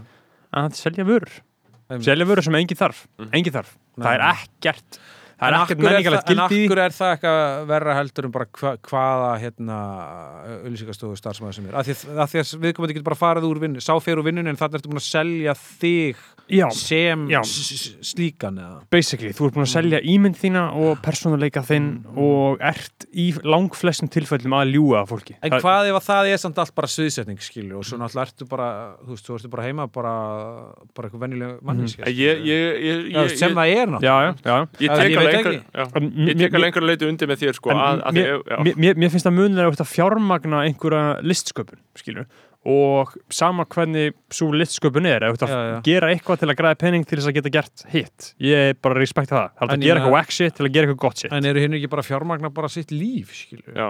Jú, Nei, en sko, en, Þannig sína íbúð og bara En- en- skóla, en bara að- eitthvað leikskólagjöld og eitthvað það er alltaf ákveðin hýperbóla að segja að þetta sé það versta af öllu. Og, veist, já, eða svona, ég, ég, ég, er bara að segja mér finnst þetta partur menningar. Já, meina, já, mér ég finnst þetta nasty sko, Já, en svona þegar maður er svona greinir þá maður áttaði mikið á nákvæmlega akkur, Nei. af hverju það er sko. ég er alveg sammála því að, og, sérstaklega ef þú berði þetta saman með auðlýskastóðu starfsmannin respekt á hann, Já. þannig að sjáta á þetta alla mínu homies á já, Eh, þar er þetta spurning um að bara búa til samfærandi hugmyndafræði um það akkur átt að kaupa einhverja vöru, skilur Mhm. og það, það, það, er, það er all, hlýtur alltaf að vera grunn basic dæmið, skilur veist, að því, og, og ef þú ert að vinna við að bæta ímynd fyrirtækis þá er það því að fyrirtæki vil bæta ímyndi sinna til þess að selja sér vöru Mhm. um, þannig að í prinsipinu er það auðvitað alveg að sama áhrifavaldurinn gerir sko. Veist, það er bara einhvern veginn að nota þína skapandi orku til þess að, að uh, búið til peninga fyrir hluthafa hjá okkur fyrirtæki já, já, skilurðu. já. og, það, og er En- það vítavert? en- en- er það vítavert að gera það alveg yfirleitt skilur? En sko við höfum líka að hugsa um sko áhrifin sem þetta hefur á uh, bara er fólkið. blaðamenn ekki alltaf að gera það líka? Nei, ég er að tala um bara fólki sem er að fylgja þessu skilur, Já, sem er að já, sjá já, og bara já. óryggi sem þetta veldur hjá fólkinu Já, það er rosalega mikil munur á því Já, já. að hafa en áhrif auðlýsingar að- hafa alltaf gert það líka sko. Já, já, en Don Draper var bara að hugsa alltaf bara láttu fólki líða illa Já, og þá bara já, kaupir já hann vöruna. ég, ég sem meira að bera saman sko uh, áhrifvalda og einhvern veginn svona listamenn whack listamenn eða whatever skilur. Já, veist, en ég held einmitt sko, þú veist einmitt sko, sko svona wa- wa- wacklist við kallar það sko. Ég held að vandamæli sé einmitt samt að þeir eru alltaf nálægt í að vera áhrifavaldar það, Það- er það- svo óþólandi það, sko. það er þunn línan á milli sko. Og þá, þá var ég ekki að segja herra sér whack listamæður alls ekki, ég ber vinningi fyrir honum og hann veit það sko. en ég meira bara að tala um sko að uh, það sem að þeir gera þá allavega, þeir halda tónleika. Og eru bara sviði í 25 mínútur Já. og láta fólk hoppa og það gleymir umla lífið sín í smá stund og fær einhverja gleði í sig Já, já, á meðan það sem er verið að setja fram uh, á uh, hinni þeir línunni eru skemmtikraftar Já, þeir eru skemmtikraftar Mhm. á meðan áhrifvaldanir eru meira bara svona óryggisvaldar sko.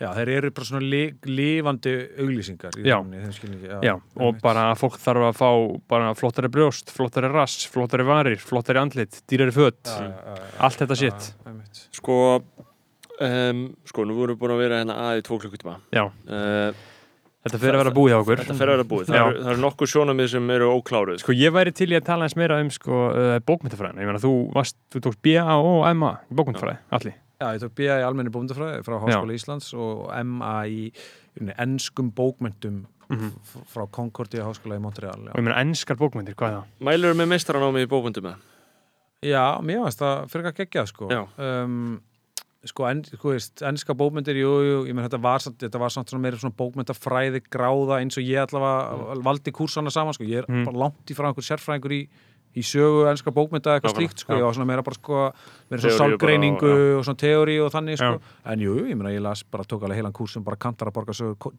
og eitthvað svona skilji uh, meðan þetta geggjað sko. Mm, veist, mæli ég með því? Ég meina ég ég bara fer eftir því hvað þetta áhersu liggur, en ég meina ég hef aldrei í mínum störfum beinlínis veist, verið einhver svona bókmyndafræðingur en þú veist, allstaðar sem ég hef látið til mín taka í einhverju menningar umræði þannig að bara býja þessu námi og allt frá upp að bjærikkir mín var ekkert um bókmyndir, sko, hún var um, þú veist, þá var ég að skoða svona sömpl eða sko, veist, hvernig, veist, hvað þýðir það að sampla og var það að skoða það í samingi við það þegar fólk er að fá lánað, þú veist, í texta, sko. Já, um Þú veist, þannig að það var BR-reikirinn og MR-reikirinn fjallað um sko um svona ákveðin svona bandarísk svona menningali minni í, í, í verkum Coen-bræðra, í kvikmyndum Coen-bræðra sko. Já. ok, þannig að þú veist ég hef ekkert eitthvað kafað mikið í bókmyndir og svo hef ég náttúrulega bara mikið svona pælt í, í, í tónlist og í setni tíð, þú veist, er ég mjög mikið að, þú veist, hugsa um myndlist, sko, alveg bara mjög mikið. Þannig að, ég veit ekki, þetta bara svona gaf mér ákveðin hugdækavor, ég hef ekki sínt mikinn áhuga á, ég var á því að sko sækjast eftir einhver svona hefðbundum akademískum frama sko, ég var alltaf, ég var alltaf að vera, ég, ég sótt um vinnu sko í fyrsta sinn, núna bara um daginn sko, að vera auðvitað eftir hérna uh, háskólakennara við hönnunadeild listaháskólans. Ég hef verið að kenna þar svolítið síðustu ár sko. Uh, svona leiðbina ríkgerðum og kenna eitthvað svona stittur kursa eitthvað og ég satt fekk ekki starfið, áttum ekki sérstaklega vonaði heldur, en þá var það náttúrulega bara, veist, gaur, bara þú hefur ekki byrt bara eina einustu akademísku grein, sko. Og Já. þú hefur kent svona frekar lítið í háskóla, sko. Já. og bara fair enough, skilur og bara Já, flott. En en ég fór að hugsa í framhaldinu bara, veist ég veit ekki, langar mig að fara byrta einhver svona ritrýndar akademiska greinar Mhm. til þess að sapna einhverjum stegum til þess að verða kannski einhver tíman einhver háskólakennar, ég veit það ekki alveg sko ég held, Nei. ég held eiginlega ekki sko. Ég tengi við pælingarnar sko En, og, og ætti maður að gera það, ætti maður að skrifa rítríndagreinar, já, skilur já. ég meina, Eh. hvað er það? Sestu bara niður í tölniðina og ákveður að skrifa rittgerð, Já, þú Já. ert bara, þú veist, þú ert, basically þú ert bara að lesa bók, tekur eftir einhverju í henni, hugsar, ég ætla að fjalla um hvernig þessi atriði byrtast í þessari bók, Mhm. bendir á að einhver fræðumæður hafi sagt eitthvað svipað, Mhm. segir eitthvað um þetta, ritrýnin fel, felst í því að áður hún er byrt í tímarættinu eru tveir fagmenn á vegum tímarættins sem uh, basically fari kjölinn og- já, fari kjölinn og bara, bara ég lesa- fengi að segja já, svolítið, svona einhver doktorsvarnar fílingur Já. eitthvað bara svona, akkur til að segja þetta? En til dæmis, ég er búin að vera mjög lengi sko, að skrifa smá bók sko, þess að við getum kallað langa ríkjörð um í Mm. rauninni krútkynnslóðina ok, eða stum svona fagurfræði Já, það er einmitt líka annað sem ég langaði að spyrja. Um þú veist, þá bara svona, þá senu þetta er kannski fjalla, veist, þetta fjalla bara um þá senu sem að var náttúrulega bara hafði mjög mikil áhrif held ég á bara hvernig, á svona íslenska ímyndamyndun, en hún var líka bara mjög sterk og mjög mikið sem kom fram og náði bara að tala svona alþjóðlegum frama og þetta var mjög svona áþreifanleg fyrir mér allavega uh, fagfræði sko, sem ég tel að svona hafi ákveðna merkingu og meni, ég er bara búin að láta þetta bara svona matla skilju, bara hef tekið bara svona smá lótur hér og lótur þar, en mér hefur aldrei langað að þetta sé fræðibók í hefðbundum skilningi, þú veist, þetta er meira svona bara bók fyrir áhuga fólk um tónlist sem að Já.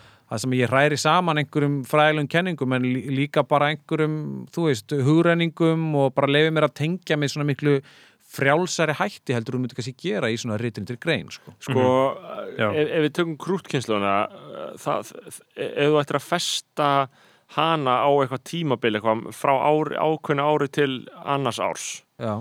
hvað myndur þú segja? Sko það er ekki, krútkynnslóðin er ekki, sko, það er Já, ekki, ekki fæ- rangnefni, sko. Já, Þú en- það er ekki, ekki nei, er fæðingarár. tímabil, sko. Já, þetta er tímabil. Tímabil, Það er um- kannski frá, til 2000 og... við getum sagt kannski að, þú veist, pík krút sé, þú veist, frá kannski svona 98 kannski til 2008, sko. Já, er það ekki? Ok. Og þið, þið, springjahöllin eru náttúrulega mjög segir um það að hafa verið hluti af þessu, eða ekki?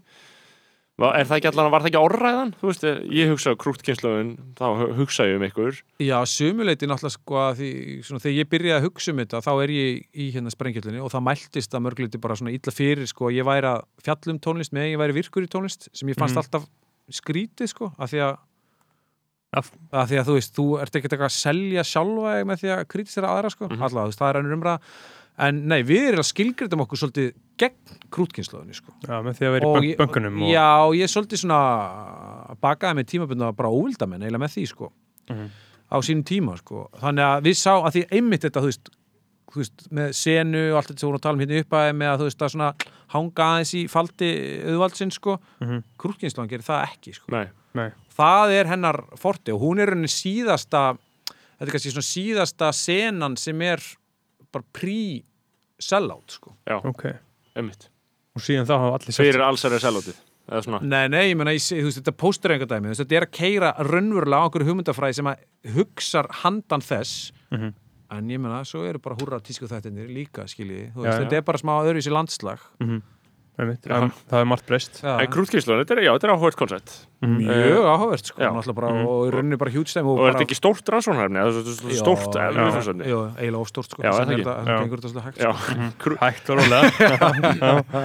Voru þið kallið krúta þegar þið voru bara vildið við vera í lópapeis út í sveit og vera fátæk eða? Já, svolítið, sko, Gerður Kristný er, er fann hugtaki upp, sko, hún var reitstjóri mannlífs mm. 2002, minni með að greinin hafi byrst já, ég elska mannlíf. Já, það var svolítið, það var öðruvísi þá sko. en það var hérna hún sér skrifa tímaritsgrein um þessa senu. Og hún tala sko sjálf um að þú veist, það sem að kveikti, það sem að fekk hann alltaf rammið inn með þessum hætti var að þú veist, það er hérna uh, sem voru þá múm veist, sem er náttúrulega bara bara mjög virtir listamenn í dag, þú veist, Gíða Valdísdóttir er, er handhafið, þú veist, bara tónlistafæluna Norðurlandarás, sko. En það er voru spurðar í viðtali, þú veist, og þá eru þær bara mjög ungar, bara átján eða eitthvað þegar múmur er að byrja. Þú veist, hvað er uppáhalds maturinn ykkar, sko? Og það er segja súkulega kaka og mjólk. Mhm. Þú veist, þetta er eitthvað svona anekdóta frá Gerri Kristín, það sem hún hugsa bara, ok, hvað, veist, hvaða sena er þetta sem að setur sig svona fram, skilur í, þú veist, frammi fyrir alþjóðan gæsalappa, eða setur sig svona svið sem börn í rauninni, sko. Mhm. og svo festist þetta náttúrulega við mjög svona í, mikið í óþökk þeirra og skiljarlega, ég menn þetta er náttúrulega svona öðrum þræði kannski til að setja niður það sem við komum til að gera. En eins og mér finnst að svona allir sem eru settið niður með sem hættið að gera er að bara reclaim þetta sko. Akkurat og þú veist, þess vegna hef ég til dæmis alltaf glaður gengist við hipster stimplinum sko, sem þykir ekki fínt sko.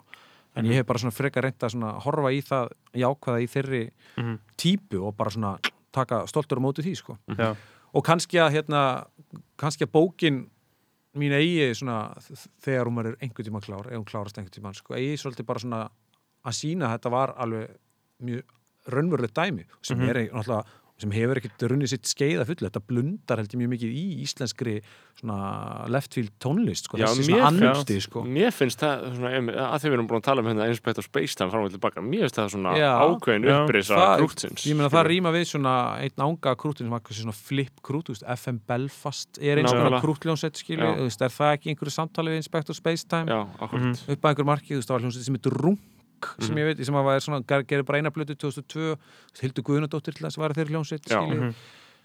þú veist, ég held að þetta sé alveg ángja sam og svo sé maður bara eitthvað eins og þú veist, Jófríður Ákadóttir skilju það sem hún gerir, það er svona einhver framhald af Já. þessari svona fagufræð, þetta er náttúrulega bara börn bjargar sko, Já, já, þú já. veist, hún er krút amman sko, já, Mhm.